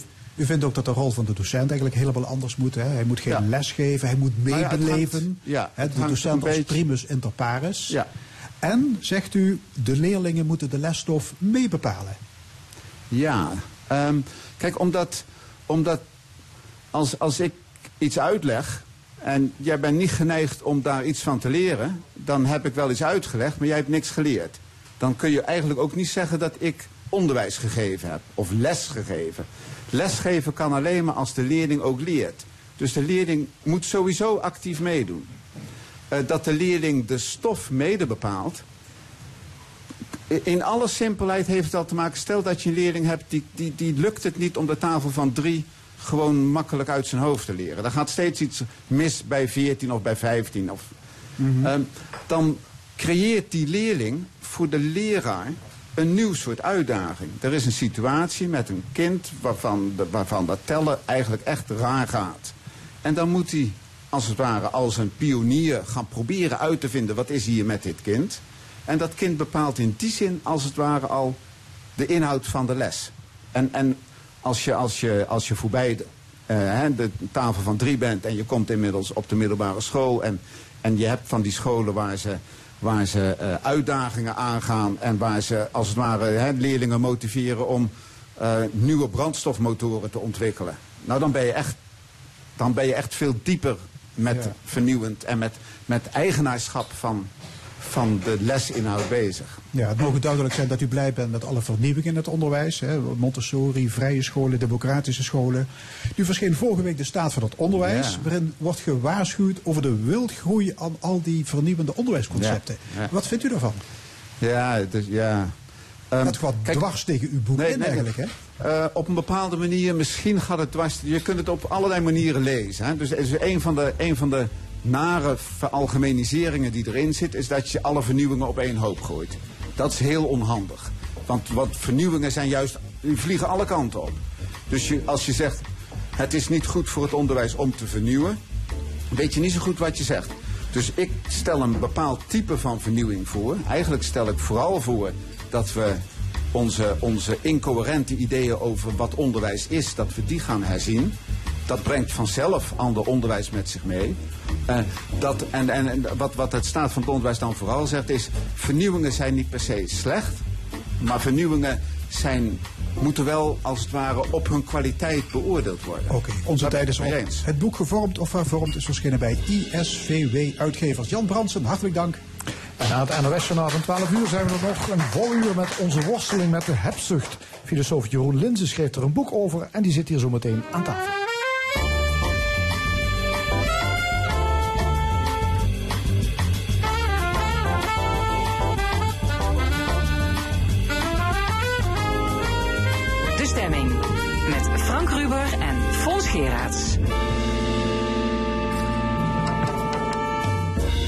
Welkom bij De Stemming, het interview- en discussieprogramma van L1 Radio vanuit Café Forum in Maastricht. Wat nog allemaal in dit tweede en laatste uur? Straks, over een klein half uur, discussieert het opiniepanel. Ditmaal met de oud-Kamerleden Monique Quint, Karel Leunis en Jan de Wit. Over ontbossing, provinciale coalitievorming en de gullegiften voor de Notre Dame. En eh, we hebben een column voor Rezi Kouwmans. Er is muziek van Solomon, maar eerst hebzucht. Ja, hebzucht staat de afgelopen jaren volop in de belangstelling. Het graaigedrag van bankiers en ondernemers wordt als oorzaak gezien van de recente economische crisis. Maar ondanks eh, de kritiek op deze bijbelse hoofdzonde lijkt er weinig te veranderen. Onze samenleving is en blijft doordrenkt van winstbejag. Filosoof Jeroen Linsen schreef een filosofische geschiedenis van de inhaligheid. Hij is onze volgende gast. Ja, eh, goedemiddag meneer Linzen. Ja, berichten over torenhoge inkomens van eh, tv-presentatoren, bonussen voor bankiers, dat wekt meestal brede verbazing en woede. hè. Ik heb de indruk dat die verontwaardiging de laatste jaren toeneemt. Klopt dat? Ja, ik denk dat die de laatste tien jaar al toeneemt. Eh, en dat heeft natuurlijk alles te maken met de kredietcrisis en de economische crisis die daarop volgde. Eh, mensen waren zeer verontwaardigd over ja, het feit dat, eh, nou bij wijze van spreken, bankdirecteurs, topmanagers met ongelofelijke bonussen naar huis gingen. En tegelijkertijd waren ze zeer verontwaardigd over het feit dat. ehm, ehm, ja, dat, dat, dat de loonontwikkeling, we hebben het net gehoord, eh, niet meeging in, die, in, in, in dat feestje, om het zo te zeggen. Ja, dus dat was, eh, dat, dat was denk ik een aanleiding waardoor mensen het, het echt is zijn gaan problematiseren, ja. Ja. Hebzucht staat ook eh, te boek als iets heel negatiefs. In uw boek constateert u daarentegen wel dat wij met ons allen ook boter op ons hoofd hebben. Bij het beoordelen van die hebzucht aan de top. Hoezo? Nou, het, het was natuurlijk een beetje. Het, het, het is grappig om die afgelopen tien jaar te bezien. Eh, dan was het echt in eerste instantie waren het die grootverdieners, die, die noemden ze dan ook de grote graaiers, die, die, die, die, stonden onder kritiek. Maar langzaam maar zeker zag je toch die kritiek ook enigszins verbreden naar de gewone man, om het zo te zeggen. Want ja, die had toch ook eh, gepoogd met een aandeeltje wat rijker te worden, of die had gepoogd zijn hypotheek wat te verbeteren. Dus was niet iedereen hebzuchtig. En dat was eigenlijk een, een, een ik zou zeggen zo ongeveer zes jaar geleden was dat een beetje de stemming. En dan doet er zich toch iets raars voor in, in die afgelopen tien jaar. Dat eh, zijn die grote graaiers aangepakt. Nou, ik betwijfel het ten zeerste. Er is wat symboolpolitiek gevoerd. Hè. Wat plafonds zijn er zo eh, eh, wat betreft die bonussen aangebracht. Is de alomtegenwoordige hebzucht van de gewone burger aangepakt? Ook dat zou je toch met ten zeerste kunnen betwijfelen. Wat opvallend was, was dat nog een een jaar of twee later er eigenlijk nog maar één probleem bovenop, st- of, eh, aan, eh, eh, boven kwam drijven. Niet zozeer wie heeft de schuld van de crisis. Nee, hoe kunnen we onze pruttelende economie uit het slop halen? En toen bleek ineens, nou ja, ik zeg het toch voorzichtig, maar de hebzucht eigenlijk weer een beetje het medicijn. Ja, u, u schrijft in uw boek, hebzucht is alom geaccepteerd en het is onze drijfveer bij alles. Ja, dat, dat is natuurlijk een beetje problematisch als u het zo zegt. Kijk, ik, ik, ik ga er eigenlijk van uit dat er in de afgelopen drie decennia iets, iets, iets heel fundamenteels in onze samenleving is veranderd. En ik noem onze samenleving een zogenaamde ondernemersmaatschappij. Dat is een maatschappij die eigenlijk van elk individu vraagt om zich als een soort ondernemer te gedragen. En eh, vroeger had je ondernemers en je had gewone eh, andere mensen. En dat ondernemers bepaald gedrag vertoonden vonden we niet gek. Die waren uit op winst, op maximalisering van de winst. Nou ja, dat hoort er dan een beetje bij als het maar beperkt blijft tot dat economische domein. Maar sinds zo'n drie decennia, denk ik, leven wij in een ondernemersmaatschappij en wordt eigenlijk, worden de, je zou bijna kunnen zeggen, de ondernemerscompetenties, die worden eigenlijk van iedereen gevraagd. Heeft u voorbeelden daarvan? Ja, je zou, er zijn voorbeelden te over, maar we hadden het net toevallig over de leeropbrengsten in het onderwijs. Alleen al die, dat taalgebruik, dat is een soort vereconomisering van ons taalgebruik. Wij op de universiteiten spreken, eh, spreken over de rendementen van onze studenten. En die rendementen die worden in de gaten gehouden door het ministerie, bij wijze van spreken. en- die en moeten allemaal op orde zijn. En, en ook ziekenhuizen moeten bijvoorbeeld Ziekenhuizen moeten tegenwoordig Alle- met elkaar concurreren. Tandartsen moeten met elkaar concurreren. Het is eigenlijk één grote markt geworden.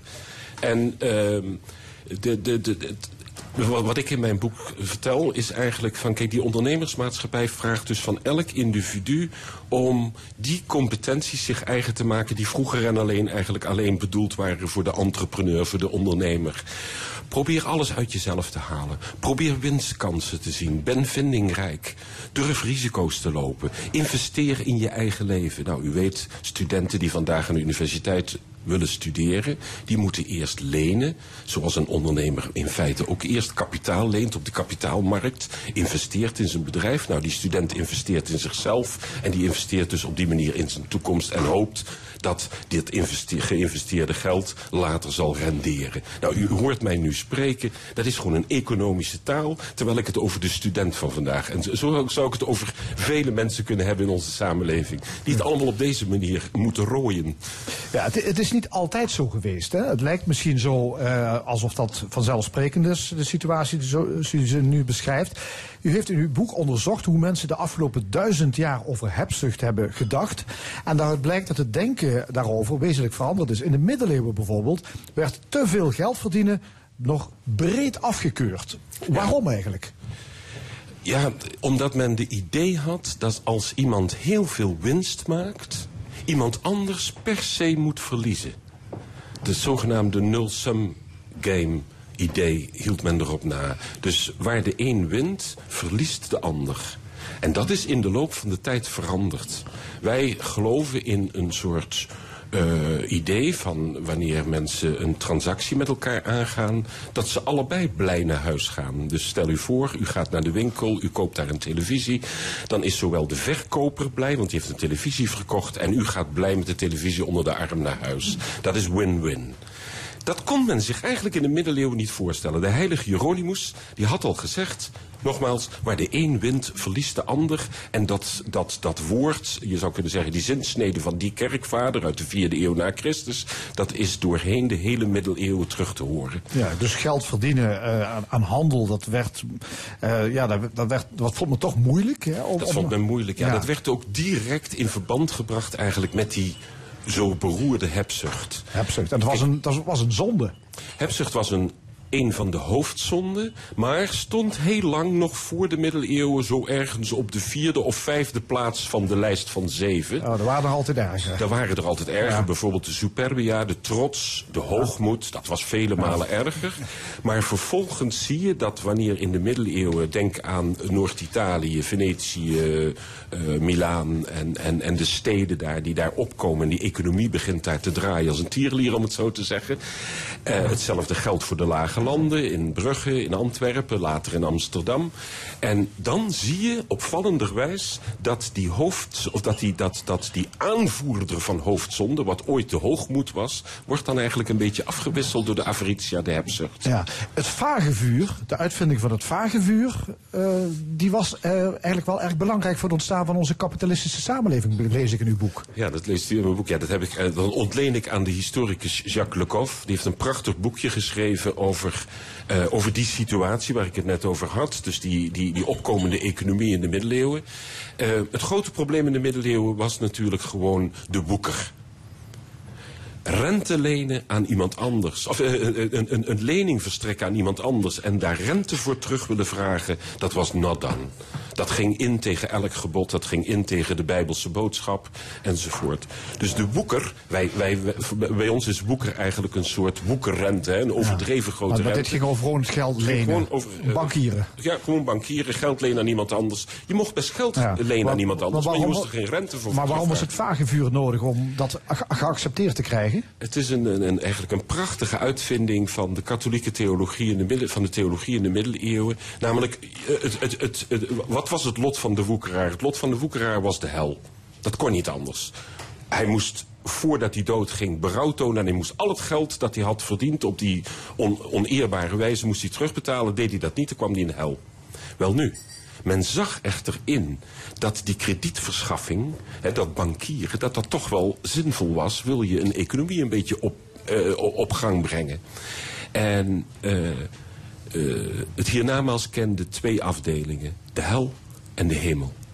En toen bedacht de, de, de, de theologische wetenschap bedacht er nog een derde afdeling bij: het vagevuur. En nu zou ik u een quizvraagje kunnen stellen: hoeveel uitgangen kent het vagevuur? Ja, ik denk twee, hè. je kan naar de hemel en de hel. Ja, maar het is niet zo. Het is er maar één. Oh. Je kunt enkel en alleen naar de hemel. Dus het was een voorportaal van Het was, de hemel. het was als het ware, je moet even Een zwaar- ontsnappingsroute. Het is een ontsnappingsroute. je, moet zwaar gestraft worden, want je hebt het echt fout gedaan. Maar je komt uiteindelijk wel in de hemel. Ja. Na die eh, middeleeuwen eh, verandert ook het, eh, ja, het idee over handel drijven. In de Reformatie bijvoorbeeld, de gedachte van Calvijn, hè, die dacht heel anders over handelen. Hij vond zelfs dat je niet mocht handelen, je moest eigenlijk handelen. Je moest zoveel mogelijk eruit slepen op aarde. Je, mocht dus zoveel verdienen als je maar wilde. Ja, dat is eigenlijk bij Calvijn zelf nog niet aan de hand. Calvijn heeft overigens het handeldrijven en de ondernemingsgeest altijd best eh, positief bejegend. Maar je vindt dit, wat u, u nu zegt, dat echt dat, dat, dat gaan voor je winst en ook die winst proberen te maximaliseren, dat vinden we eigenlijk in bepaalde Calvinistische stromingen na Calvijn. Een bepaald puriteins... Waar- waarom vonden ze dan dat je zoveel mogelijk moest proberen te verdienen? Omdat men dacht dat als jij, ehm, als je succesvol bent in je leven en als het je lukt veel te verdienen, dan moet je dat beschouwen als een tekentje van God. En als God iets met jou wil, dan heb je dat ook maar te voltrekken. Dus blijkbaar is het dan zo dat als jij succesvol bent in het ondernemen, als jouw onderneming winstgevend is, dan is dat de hand van God. En het kan niet zo zijn dat je dat, je dat zomaar eh, aan, eh, terzijde schuift. Nee, dan moet je daar dus ook echt voor gaan. Ja. Dus daar, Het daar was, het was dus een totale omkering van de het was situatie. een eh, eigenlijk een als je het totale, vergelijkt met de ja, middeleeuwen. totale Ja. omkering van de situatie. Want je zou kunnen zeggen dat godvrezendheid, of hoe zeg je dat, eh, zwaar orthodox geloven, ineens kon samengaan met het maken van zoveel mogelijk winst. Ja. In uw boek loopt u door duizend jaar denken over hebzucht heen. En dan, eh, nou, dan komt er ook een situatie dat economen zeggen: laat het economische proces gewoon duren zoals het moet, eh, moet- gaan. Hè. De vrije marktwerking, 17e, 18e eeuw. Dat leidt uiteindelijk wel tot verschrikkelijke omstandigheden voor arbeiders. Die leven in, eh, ja, die hebben slechte huisvesting, moeten lange werkdagen maken. Toch zie je dat, zeker de conservatief-liberalen in de 19e eeuw, dat systeem nog blijven verdedigen. Waarom eigenlijk? Ja, toch omdat zij En, en, en in die zin lijkt de 19e eeuw echt op de tijd waarin we leven. Dat was zojuist ook aan de orde. Omdat ze een onvoorstelbaar geloof hadden in die idee dat als de rijken rijker worden, dan zullen de armen daarvan profiteren. Wat we later dan dat trickle-down effect zijn gaan noemen. Het doorcijpel-effect. En laat de rijken heel rijk zijn. Uiteindelijk zal die rijkdom ook doorcijpelen naar de armen. En dat bestond bij, met name bij die, bij die liberalen. Die waren daarover, eh, zeker aan het eind van de 18e eeuw... en ook nog ver in de 19e eeuw, daarover zeer optimistisch. Terwijl als je gewoon om je heen keek... u heeft toen straks al verwezen naar Karl Marx... die keek om zich heen en die zag een hele andere situatie. Alexis de Tocqueville zag ook een hele andere situatie. En die heeft dat ook mooi beschreven in zijn eh, boekje over pauperisme. Maar, maar, maar lang bleef de idee bestaan dat hebzucht dus eigenlijk iets heel goeds was in die 19e eeuw. Want, eh, Men zal, het maar- zo, men zal het zo niet gezegd hebben. Men zal niet gezegd hebben, hebzucht is goed. In die zin eh, lag, lag de passie van de hebzucht er echt wel een beetje af. Maar opkomen voor je eigen belang, je eigen voordeel nastreven. Allemaal manieren om een beetje te, de, de, de hebzucht een beetje, een soort truc om niet over de hebzucht te spreken. Dat klopt ja, dat, dat, dat werd eh, zeer gewaardeerd. Het is overigens grappig dat in de 19e eeuw, als het gaat over hebzucht, dat de socialisten, de kapitalisten van hebzucht betichten. En de liberalen, zeg maar de, de, degene die het kapitalisme een, een, een warm hart toedragen, die betichten de arbeiders van hebzucht. Want ja, die arbeiders die weten niet hoe ze met hun geld om, om moeten gaan. Die krijgen hun weekloon en zuipen het vervolgens in de kroeg, op. Die, die, die, die, die, die verkwisten het en spenderen het maar zonder dat ze erover nadenken. Dus dat was echt een, een soort strijd over wie is het meest hebzu- hebzuchtig. Zijn dat de kapitalisten of zijn dat de arbeiders? Ja. Inmiddels zijn wij aangekomen in een tijd waarin het neoliberalisme toonaangevend is, al enkele decennia. Ehm, en u zegt dat is vooral een samenleving die gericht is op concurrentie. Concurrentie is heilig. Hoezo? Nou, dan, dan komen we weer even bij, eh, bij, bij die ondernemersmaatschappij waar ik, toestra- waar ik zojuist over sprak. Dus dat neoliberale. Het neoliberalisme moeten we, moeten we niet zien als de exacte vervanging van het 19e eeuwse laissez-faire kapitalisme. Dat is het niet. Het neoliberalisme heeft iets bijzonders. Dat heeft namelijk niet zozeer die totale terugtrekking van de overheid, zoals dat in de 19e eeuw echt volgens die conservatief-liberalen de bedoeling was. De overheid moest zich nergens mee bemoeien, laissez-faire.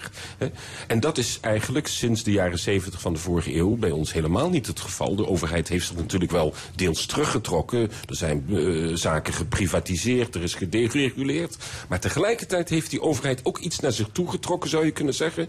Namelijk, ik ga competitie organiseren waar voorheen helemaal geen competitie was. Dus we hebben het gehad over de ziekenhuizen die met elkaar moeten concurreren. Op universiteiten moeten mensen onderling met elkaar concurreren om uit de ruif van MWO te eten, als ik het zo mag zeggen, om onderzoeksgeld binnen te slepen. concurrentie is heilig verklaard. Concurrentie is heilig verklaard. Wa- waarom? Men vanuit het idee dat dan de kwaliteit komt bovendrijven. Ja. En u zegt, eh, schrijft in uw boek, economie beheerst ons leven. Terwijl het eigenlijk maar een deel van ons leven zou moeten zijn. We zijn dus een hele hoop vergeten. Ja, dat, dat, dat ontleent u waarschijnlijk aan Sedlacek. Dat, dat is een, een, een paragraaf die ik schrijf over zijn boek. Ik ben het deels wel met hem eens, ja. Ik vind dat hij enigszins naïef blijft in zijn... Mag ik het zo zeggen, in zijn ethisch revij. Ik denk dat er meer nodig is dan enkel een ethisch revij. Als het ware zo met het vingertje wijzen naar het grote gaai. Nee, ik denk dat er toch wel politieke maatregelen nodig zijn. Ehm, maar eh, het, het, het, het knappe van zijn boek eh, is dat hij laat zien hoe eigenlijk ook de economische wetenschap zelf. ehm, ja, min of meer de moraal is vergeten. Of, of misschien moet ik zeggen eenzijdig is in haar kijk op de mens. De mens alleen beschouwen als een ho- homo economicus. Ja, dan, dan doen we tekort aan wie wij zijn. Wij zijn veel meer dan dat. Ja, hoe zouden we dat kunnen keren? Ja, is echt heel moeilijk te keren, omdat ik, ik, ik, ik- ik wil het niet, moeilijk, niet, niet te moeilijk maken misschien, maar ik, ik spreek in mijn boek over een subjectiveringsvorm. Dat wil zeggen dat wij min of meer vrijwillig dat ondernemerschap op ons nemen. Dus dat is niet zoiets van dat we daartoe gedwongen worden of zoiets dergelijks. Het is niet van boven, we hebben, het, zit in ons. Het, zit, het, nou, het, is- het, is niet, het is niet iets van natuur. Het is wel eens. Ja. wel- Het is, Nee, maar we hebben het al systeem, opgenomen. Maar het, ja, het, we hebben het opgenomen en we, en we bekoesteren het ook. En eh, ja, goed, als, als je nu kinderen hebt, dan wil je toch dat die kinderen succesvol zijn. En dan wil je toch dat ze alles uit hun leven halen wat, ze, wat, wat erin zit. Dus we spreken ook gewoon die taal. En we investeren in onze kinderen en we zijn zeer zorgzaam. Dus we, we zitten gevangen eigenlijk in die ondernemersmaatschappij. we zitten daar een beetje in gevangen. En daarom ben ik niet eh, optimistisch in de zin van hoe gaan wij daar uitkomen. Dat, dat, dat heeft u misschien ook in mijn boek kunnen lezen. Het, het spat er niet vanaf, het optimisme. Ja, n- ja, ja, n- ja, het is een eh, boodschap die je op de eerste paasdag dan maar moet, eh, tot je moet nemen, denk ik dan. Ja, maar voor mij is het ook gewoon, voor mij was het ook gewoon toen ik dat zo onderzocht en er eigenlijk een Ja. beetje zo achter kwam, dacht ik ook, verdorie, in wat voor wereld leven we toch eigenlijk? Hè? Dat we allemaal moeten, die, die ondernemersgeest ons eigen moeten maken. En is het dat dan? Nee, ik besef dat het dat niet is, maar de ontsnappingsroute, die kan ik u niet wijzen. Oké, de Ik heb, rest geen, wel. ik heb geen vagevuur in, het, eh, in de achterzak. Maar u heeft wel een eh, boek geschreven, een mooi boek, Hebzucht over eh, duizend jaar geschiedenis van de inhaligheid. Ik noem nog één keer de titel, die is gewoon Hebzucht, uitgegeven door Van Tilt. Dankjewel, Jeroen Linzen. U luistert naar L1, weer speciaal naar de stemming. Zometeen de column en daarna het discussiepanel met Monique Quint, Karen Leunissen en Jan de Wit. Maar eerst muziek van de pas opgerichte vijfmansformatie Solomon. Dit nummer heet Weight of the World.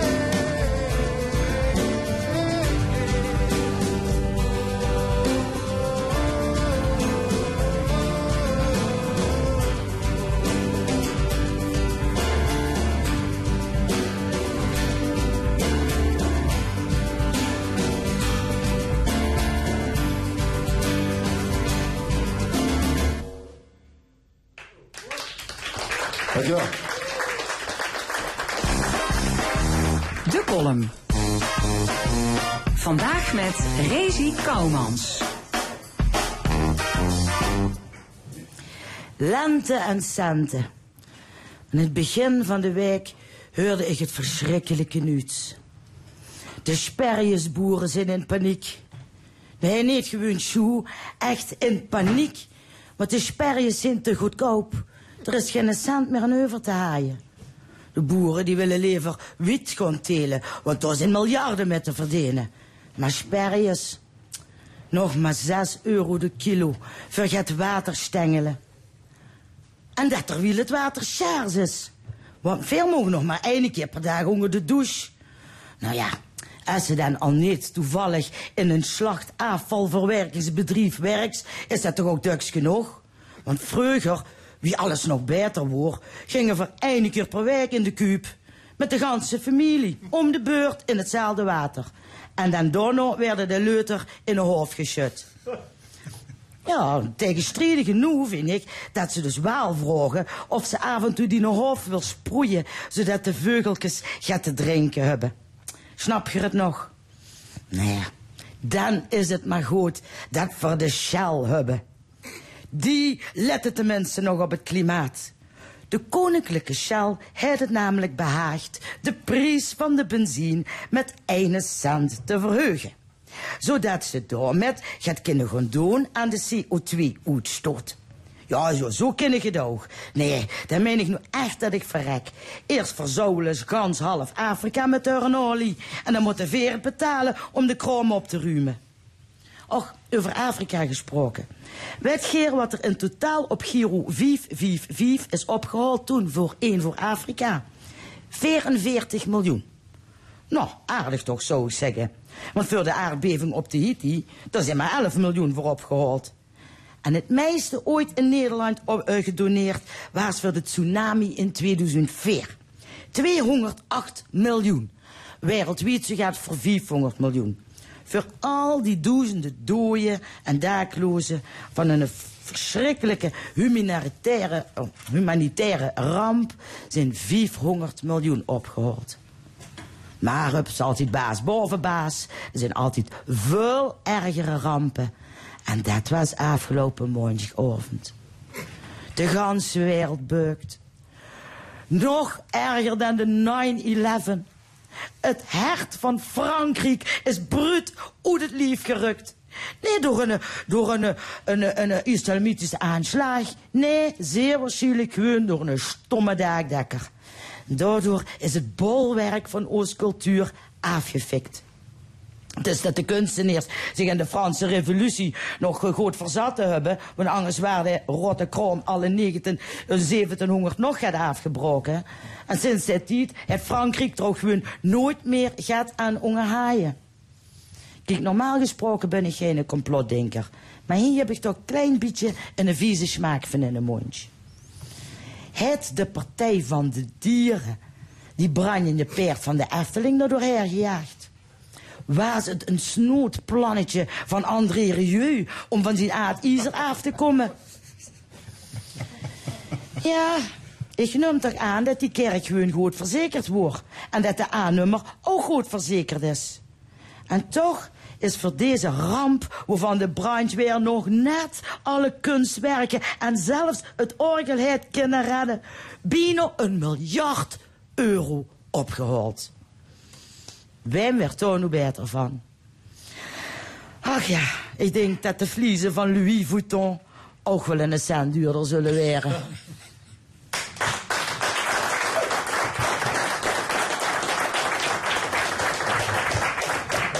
De komen van Rezi Koumans. En we gaan het opvallende nieuws van afgelopen week bespreken hier met het opiniepanel. Dat bestaat vandaag uit meneer Quint, oud PvdA Tweede Kamerlid. Jan de Wit, hij zat voor de SP in de Tweede Kamer. En Karel Leunissen was senator voor het CDA. Journalist Ruben van Erp van de Limburger heeft het kort geding gewonnen dat hij tegen de gemeente Kerkrade had aangespannen. De gemeente had eh, camerabeelden van de journalist op de eigen website geplaatst, hoewel justitie vond dat de verslaggever niks fout had gedaan. Het ging om een besloten bijeenkomst over de nieuwe burgemeester, maar de verslaggever hoorde op de gang dingen die hij niet mocht horen. Wat vinden jullie van de uitspraak van de rechter dat Kerkrade eigen richting heeft gepleegd en ook de privacy van de journalist ernstig heeft geschonden? Jan de Wit? Eh, nou, ik vind het een, eh, een eh, mooie uitspraak. Ehm, omdat ik eigenlijk vind dat in die hele zaak de gemeente Kerkrade... of het college van BNW of wie het ook mogen zijn... maar in ieder geval Kerkrade gewoon de zaak helemaal op zijn kop heeft gezet. De boodschapper, of de man die de boodschap brengt... in dit geval de journalist, wordt even, wordt even aangepakt. En niet zo misselijk ook. Er wordt een aangifte tegen hem gedaan. En ze gaan ze gaan de beelden op de site zetten, waarbij ze hem dan weliswaar een beetje onherkenbaar maken, maar iedereen weet dat hij het is. Nou, zonder enig onderzoek, zonder enig besef van hebben wij wellicht fouten gemaakt, doet de gemeente Kerkrade dit. En, en dan zeg ik gelukkig dat de rechter nu eh, de gemeente Kerkrade flink de oren heeft gewassen. Ja, iemand aan tafel die begrip heeft voor de handelwijze van de gemeente Kerkrade? Monique Nee, Prins? nee, ik ook niet. Eh, ik ga niet herhalen wat Jan gezegd heeft, want ik ben het daar volledig mee eens. Ehm, wat ik eraan toe zou willen voegen is dat ik vanaf het moment dat dit nieuws opdook, dat ik me voortdurend zat af te vragen hoe is het in vredesnaam mogelijk dat politici, die toch een behoorlijke staat van dienst hebben, alle, alle, twee, en ik bedoel dus hier de persoon die gesolliciteerd had naar het burgemeesterschap in Kerkrade en de gouverneur, eh, die beide waren betrokken bij eh, solliciteren en word je voorgedragen of niet. Dat die op geen enkele wijze hebben kunnen voorzien. Kijk, los even van of dat die journalist toevallig daar eh, ontdekte dat men zo stom was geweest om een, eh, een versterker niet af te stemmen op een een gesprek wat ergens binnen kamers had moeten plaatsvinden in het geheim waar niemand buiten die kamer iets van had mogen weten. Maar ik heb me toen echt zitten afvragen, hebben ze nou werkelijk geen van allen bedacht dat je dit met een commissie zo groot als die was, dat je dit nooit van zijn leven eh, buiten de publiciteit gaat houden? En als het in de publiciteit komt, het gaat hier om een kerkradenaar die burgemeester van Heerlen wordt. En iedereen heeft zich toen al afgevraagd hoe moet dat? Omdat iedereen weet dat tussen Kerkrade en Heerlen de, de liefde nou niet echt eh, hoog opgestapeld ligt. Ja. Ehm, en dan de omgekeerde beweging wordt gemaakt en dat degene die dat doet niet snapt dat je dat misschien niet moet doen, dat dat niet verstandig is. En de gouverneur had hem dus natuurlijk nooit moeten laten Ja, doorgaan Ik wil even terug naar de camerabeelden, het plaatsen van die camerabeelden op, op de site van de gemeente. Karel Leuns, wat Nou, heeft, wat heeft natuurlijk- Kerkrade bezield om dat te doen? Nou, dat is natuurlijk helemaal niet verstandig en dat hadden ze ook nooit moeten doen. Eh, Maar niet verstandig of is het, is het kwalijk?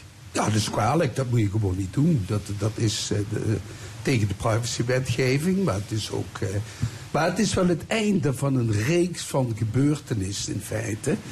die Kerkrade daartoe heeft aangezet. En daar hebben ze niet goed over nagedacht. En dus goed dat de rechter dat, dat de rechter Kerkrade heeft teruggefloten.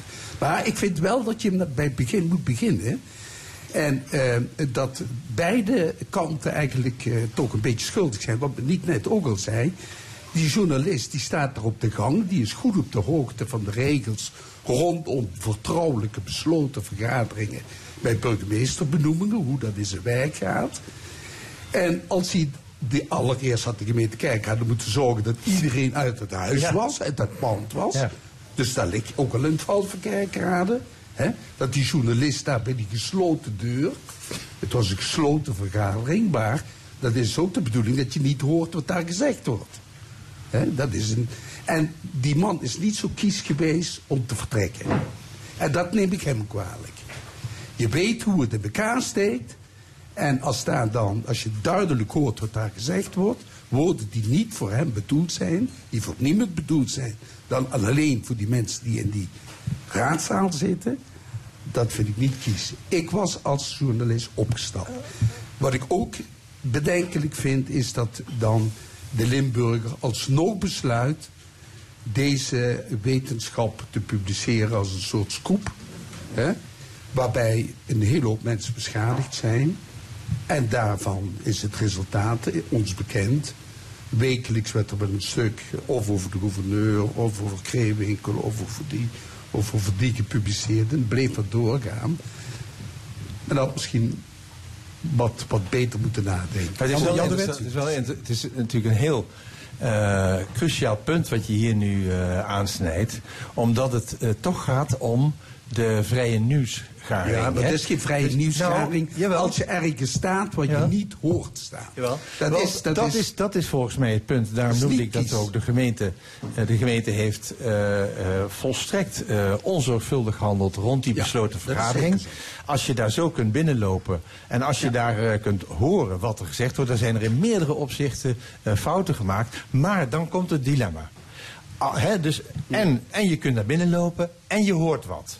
Dan is de vraag als eh journalist, kijk voor mij zou dat nog iets anders zijn. Maar voor een journalist die het als een beroep heeft om nieuws te, bre- nieuws te brengen, moet je dan als journalist zeggen: dit heb ik niet gehoord of dit is zo belangrijk, dat is nieuwswaardig. En daar moet je volgens mij eh, een afweging eh, maken. Stel dat, er nu, dat hij nu iets heel anders gehoord zou hebben. Hè? Stel nu dat. Volstrekt waanzinnig idee, maar dat in die besloten vergadering besloten zou worden. Nou, we gaan morgen, weet ik veel wat, eh Heerlen. eh, eh, ja, nou ja. Annexeren. het- we gaan met ons leger naar Heerlen binnenvallen of zo. Dit wordt wel heel bond hoor. Nee, nee, maar dus gewoon iets van een hele andere aard, waar een direct gevaar ontstaat. Moet je dan als journalist zeggen: Dit heb ik niet gehoord, want dat had ik niet mogen horen. Ja, dat is- of moet dat je is zeggen: van, ik, breng, ik, ik breng het nieuws, en de Limburger is volgens mij, wat ik gelezen heb, niet over één nacht ijs gegaan. Heeft dat de dag daarna pas gepubliceerd. Dus niet nadat ze het nieuws gehoord maar hadden. wat is het belang daarvan? Ik heb dat mezelf afgevraagd. Wat is het belang van deze eh, publicatie in de Limburger Ja. voor mens en maatschappij? Ja, nou, Ja, ik kan er maar- één Ik noemen. vind- ik vind kan er wel één Jan, noemen. Jan de Ja, Wet maar- weet één. ja, Ik kan er één noemen. En dat is namelijk dat voor Heerlen en voor de Heerlense Raad onmiddellijk duidelijk is geworden. Wij zijn belazerd. Wij zijn belazerd, we zijn aan de lijntje gehouden. De huidige burgemeester, die om alle begrijpelijke redenen eh, op non-actief was, die had hele andere plannen. En dat was nooit aan het licht gekomen als deze affaire niet naar buiten gebracht was. En, en dan kom je dus uit bij mijn argumentatie. Ehm, als je op een rij zet de relatie van die twee gemeenten binnen Parkstad. eh, wat er allemaal vooraf gegaan was aan die eh, procedure om opnieuw een burgemeester in Kerkrade als opvolger van Jossom eh, te kunnen kiezen. Dan is het voor mij ehm, begrijpelijk dat een journalist die op de voet volgt, al jarenlang, alles wat in Kerkrade gebeurt, politiek, elke raadsvergadering daarbij is, zorgvuldig daarvan kont doet in de krant. Dat als hij dan zoiets hoort, dat hij bijna van verbijstering eh, op die gang zoiets heeft van... wat hoor ik hier in vredesnaam? Omdat aanvullend op wat Jan zegt... er in Heerlen een sfeer was binnenkort eh, gaat Roemer weg... dan komt onze burgemeester weer terug. Dat was in Heerlen, en ik ben vaak genoeg in die periode in Heerlen geweest... de overtuiging van iedereen die zich met het inwendige proces in het gemeentehuis bezighield. En dan hoor je als journalist dat dat dus blijkbaar niet de bedoeling is. Ja. Ja, maar wat ook niet de bedoeling is en past bij Ja. het verwachtingspatroon, dan vind ik dat je een journalist overvraagt wanneer die daar niet de nieuwswaarde van inziet. Maar Jan de Wit zei je nu er straks van dat Ralf Kreewinkel de kluit heeft belazerd omdat hij tijdens een ziekte gesolliciteerd heeft naar Kerkrade? Ja, nou, ik, ik vind, ik vind eh, inderdaad dat, dat, eh, dat, dat je dat eh, zo kunt zeggen. Omdat hij niet, hij heeft niet voldaan aan de verzoeken van de Raad. Schep duidelijkheid. Het is allemaal aan, aan, op de lange baan geschoven. De, de Raad heeft dat Maar het was al herhaaldelijk in gevraagd. november duidelijk dat hij per 1 april weer zou gaan Ja, beginnen. en, en, eh, dus toen heeft hij. Dus dat maakt het nog erger. Als je dan blijkt een hele andere agenda Nee, te maar- hebben. maar- als blijkt dat je solliciteert op een plek, eh, zeg maar kerkrade. Dus eigenlijk het met heerlijk gehad hebt. Dat, dat, dat vind ik inderdaad. Ik heb, eh, ik heb niets met Kreewinkel, eh, maar ik denk dat ook andere verklaringen mogelijk zijn. Als je zoiets overkomen is wat eh, hem overkomen is in zijn privésituatie, dan zou die ook, eh wetende dat hij per 1 april weer zou beginnen, hè, hebben kunnen denken van misschien moet ik wel een beetje gaan voor een, een wat lichtere eh, baan. Hè, met een minder grote gemeente. Ja, maar dat is allemaal suggestie, grote- dat is allemaal Hè, Dat suggestie, je zegt van nou, ik ga, ik ga eens proberen dat toch eh, ja, te solliciteren. Nee, maar dat had hij ook in Maar vertrouwen we zijn aan een de beetje afgedwaald van de camerabeelden Maar dat had hij op de site. raad kunnen Ja, maar had hij moeten Dat praten. is dat zijn bedoeling. Naar een ander we, thema, We gaan naar een ander thema, ook beelden die iedereen gezien heeft. Eh, De enorme brand in de Notre-Dame in Parijs eh, afgelopen week. De spaarpot voor de heropbouw eh, bevat nu al meer dan een miljard. Een duizelingwekkend bedrag. Nou ja, we hoorden het zojuist ook al in de column. Dat geld komt niet binnen bij de vreselijkste natuurrampen. Hoe kan het zijn dat een monument meer compassie oplevert dan menselijk leed? Nou, ik denk dat het een kwestie is van hoe, hoe dit eh, allemaal gepromoot is. En bovendien is er altijd nog zoiets dat als je eh, meer dan miljardair bent en je kan aan zo'n eh, wereldberoemd element een bijdrage leveren, dan word je dadelijk in brons gegoten of zoiets Ja. eh, bij de ingang van de herstelde kerk. Dus je bent onsterfelijk daardoor. Als je gewoon een bedrag Ja. stort op een eh, rampennummer waarbij een soort anonimiteit van mensen geholpen wordt om wat minder rampzalig leven te leiden, dan krijg je dat bronzen beeld nooit. Dus toen ik zag wie dat allemaal gingen doneren, toen dacht ik, lang leven de miljardairs, iedereen wordt onsterfelijk. Ja. Ja, iemand die er eh, iets eh, anders ja, aan het, kan het toevoegen? is wat. eh, kijk, de, de gele hesjes die maken eh, Macron juist het, het, het verwijt dat hij de grote vriend van de miljardairs is en van de miljonairs eh, in, in Frankrijk. En eh, dat hij daar meer oog voor heeft dan voor de nood van de gewone mensen. Hè. Dat, is dat zijn de gele hesjes eh, in feite. Wat hier nu gebeurde, kwam Macron eigenlijk wel goed uit volgens mij. Hè, dat die miljonairs spontaan met, met geweldige bedragen over de, over de brug komen. Maar wat blijkt nu ook nog eens een keer, afgezien van de publiciteit, of naast de publiciteit die dat oplevert, en je moet toch wel meedoen, wil je nog enigszins eh, aanzien hebben, krijgen ze ook nog belastingaftrek voor, eh, voor dergelijke eh, giften. Dus ik vind het, ja, ik vind dat je daar echt vraagtekens bij kunt stellen bij die gene- genereuze giften. Als je kijkt wat de, de actie gisteren voor de gewone man of vrouw heeft opgeleverd, 20 miljoen in Parijs of in Frankrijk, dan is dat natuurlijk maar een schijntje van, van dit bedrag. Nou, ik denk dat die Notre-Dame, eh, ik denk er heel anders over. Die Notre-Dame is, die, die st- staat in het hart gegrift van een miljard christenen in de wereld. Die is van onnoemelijk groot belang voor het toerisme in Parijs. Het is de, het gebouw van Parijs naast de Eiffeltoren. En het is natuurlijk toch rampzalig wat daar gebeurd is. Dat daar zo'n prachtig monument eh, in brand ging en eh, bijna volledig te loor ging. Nou, dat die mensen daar eh, geld geven, eh, dat vind ik te prijzen. Ehm, het feit dat ze daar 60% terugkrijgen van, de- van de belasting, dat is gewoon wettelijk zo bepaald. Dan krijg je ook, zei eh, een miljoen stort, Jan. Hè, vanuit de SP-kas. Eh, dan krijg je ook eh, 60% terug, of 50% in Nederland. Dus wat dat betreft is dat politiek eh, wettelijk zo vastgelegd. Overigens heeft die, eh, een van die miljardairs al gezegd, ik hoef dat geld helemaal niet. Ik, eh, ik vind die Notre-Dame zo belangrijk dat, dat, dat ik dat geld daaraan wil besteden. Ja, ik, jij vindt dat heel ik goed? Vind, het, ver- dit vergelijk met geld geven aan mensen die in armoede leven, dat is appels met peren vergelijken. Dit vind ik, kijk, die armoedeproblematiek, die moet in Frankrijk heel anders opgepakt worden dan eh, dat miljardairs Ja. Eh, donaties doen voor de gele hesjes of wat dan ook. Daar moet gewoon een structurele verandering in de eh, belastingwetgeving komen, zodanig. En in, eh, ja, in, in de salariering. Ja. Dat die mensen niet voortdurend moeten, moeten staken om maar een beetje, een procentje loonsverhoging te krijgen.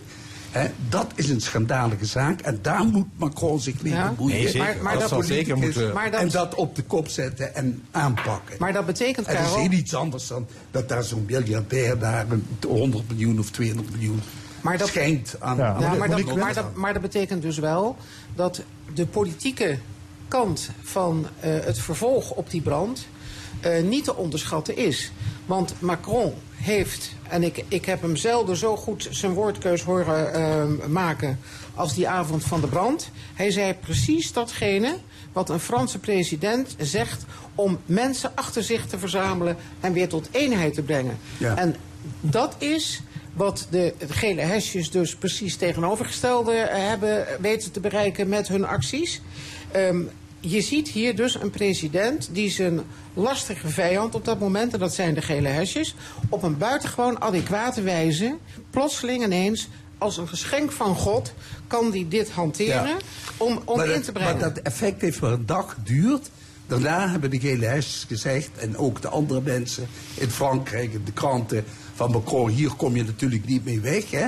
Het is mooi dat, dat de, de saamhorigheid Ja? in Frankrijk om die Ja? Notre-Dame te, eh, opnieuw te restaureren en te op te bouwen, dat die er is, is en die moet ook blijven. Maar dat laat onverlet dat natuurlijk iets moet gebeuren aan de grote problematiek Ja, maar- die in Frankrijk Nee, dat klopt. Maar weet je wat je hier dus... aan de orde na- is. naar mijn overtuiging wat je hier ziet... en dat koningen hebben dat eeuwenlang op die manier ook altijd gedaan...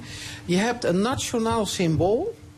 en dat nationale symbool, dat nut je uit om je eigen politieke doelen te bereiken. En daarmee zeg ik niet wat onze columnisten net suggereerden... dat iemand bewust die kerk in de fik heeft gestoken. Dat gaat me net een slag te ver. Maar ik weet wel dat alle economische motieven die je zelf ook al aangaf... dat ding dat moet gerestaureerd worden... want het is een schandplek in Parijs voor het toerisme. Eh, het is een van de issues waar elke toerist gewezen moet zijn... anders ben je niet in Parijs geweest. Dat klopt allemaal. Ehm, en ik vind het verbazingwekkend dat op dit moment twee grote Europese mogendheden, zowel Engeland als Frankrijk, dat probleem waar jij het terecht over hebt, niet opgelost krijgen. En dat is een gigantische armoede in hun samenleving, waar mensen. Maar, Maar dat is hier ook nog in Nederland. Ja, wel, maar de mate waarin het in Engeland en Frankrijk Ja, momenteel speelt, gigantisch. Maar is enorm. Tot slot, Jan de Kamers had- nog een ander aspect, en dat is volgens mij ook van, eh, van belang. Dat, en dat gaat nog niet eens zozeer over die armoede. Dat gaat over de, de tegenstelling tussen wij geven bakken met geld aan een. Overigens ben ik met Karel eens een prachtig, eh, eh, vind ik zelf ook, een prachtig gebouw waarvan het jammer is dat het in bad is. Maar we geven bakken met geld voor de re- restauratie van eh, zo'n prachtig gebouw. Maar als er een ramp gebeurt als, als, als, als, er, als er een oorlog plaatsvindt, als in Rwanda, nee, maar dat mensen uitgemoord worden. Dat laten we langs de koude Ja, maar kleren. dat laten we langs de koude dan kleren is een En dat vind ik. Ja, maar mag je dan de bittere conclusie trekken dat rampen en crises de norm van de dag zijn? Maar een wereldberoemde kathedraal in de fik, ja, dat is eh, niet eh, aan de orde van de dag. Dat komt slechts zelden voor. En dan wordt iedereen wakker. En dus is dat een nieuwsfeit. Maar morgen weer ergens een, een aardbeving. Of morgen weer ergens een vulkaanuitbarsting. Ja. Of weet ik wat. Dat, daar wordt geen mens meer warm van. ja, want we hebben dat, dat- elke maar- dag. Maar dat is wel, eh, wel de erg. mensen hebben ook geleerd dat al die inzamelingsacties voor die rampen. Komt er nog eens bij. Hè, dat, dat, eh, dat, dat is een repetitief geheel. Ja. Hè, en dat dat geld heel slecht wordt gebruikt. Ja. Ja. Als je nu op Sint Maarten gaat kijken, er is een hele hoop geld voor binnengehaald. En wat zie je? Er gebeurt gewoon helemaal niks. Ja, je kunt toch ook ik, zeggen- er ik, wil terug, ik wil terug naar eigen, naar eigen provincie, Limburg. Al weken wordt gewerkt aan de formatie van een nieuw provinciebestuur. Eh, de twee informateurs die nemen als uitgangspunt de bestaande coalitie van VVD, CDA, PvdA en D66. Die hebben samen geen meerderheid, dus daarom moet er minimaal één partij bij. Begrijpen jullie de keuze voor dit motorblok? Monique Eh, Kent. nou, ik denk dat dat weer er voor een groot gedeelte ook met individuen van doen heeft. Men heeft de afgelopen jaren met elkaar samen in dat college gewerkt. Dat functioneerde goed. Tenminste, dat is voortdurend wat ik begrijp uit eh, de gesprekken die ik daarover hoor. Dus waarom zouden we niet door kunnen gaan? Maar moet je nou na de ja, verkiezingen maar niet nee, gewoon maar bij, bij nul beginnen, Karel Leunissen? Ja, Waar staat in dat principe je... wel, eh, eh, natuurlijk. Maar eh, de, de formateur, hè, of de, de informateur, eh Ger Koopmans, die eh, ja, heeft toch een beetje leiding gegeven aan dat college van gedeputeerden. En die, eh, dat, zoals Monique zei, dat liep gewoon goed hè, met die mensen.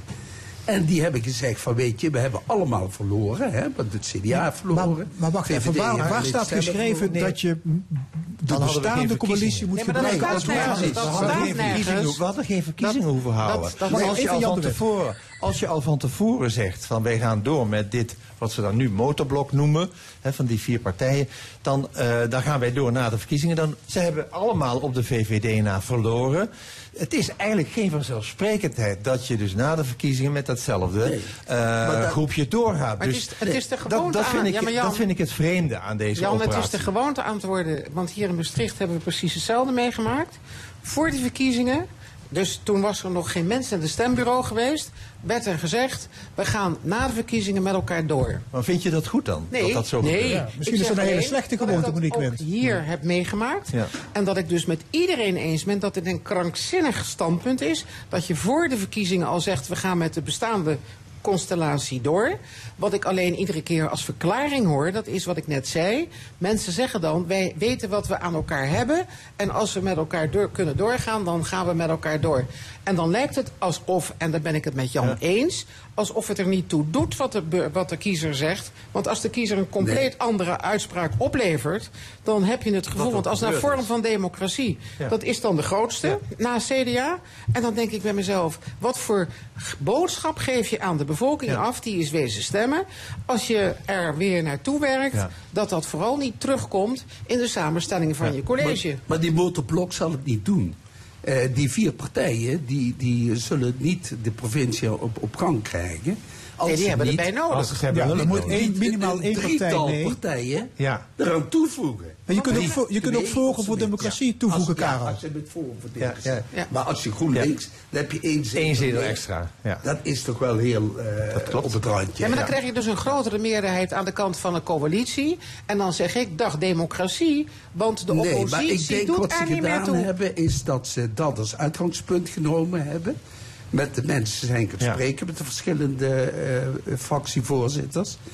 En ehm, dat ze proberen tot, tot een, eh, ja, in, in beleid. Het Karel, dat het gaan schijnt, het, schijnt goed, het schijnt goed te boteren tussen CDA en Forum. Ja. Hè, en de pers worden vriendelijkheden over en weer uitgewisseld. Beide dat- partijen dat- hebben dezelfde ideeën over de energietransitie. Zie jij het gebeuren? landbouw. Ik, zie het nog niet direct gebeuren. Wij, ik, ik je het was wenselijk? voorzitter met de PVV. Vind je het wenselijk? D- daar kan ik moeilijk iets over zeggen. eh, in die zin omdat ik die mensen niet ken. Hè, die, Je kent wel het partijprogramma. Ik ken wel het partijprogramma. eh, maar ik heb ook gelezen dat de, de fractievoorzitter van Limburg, de FVD...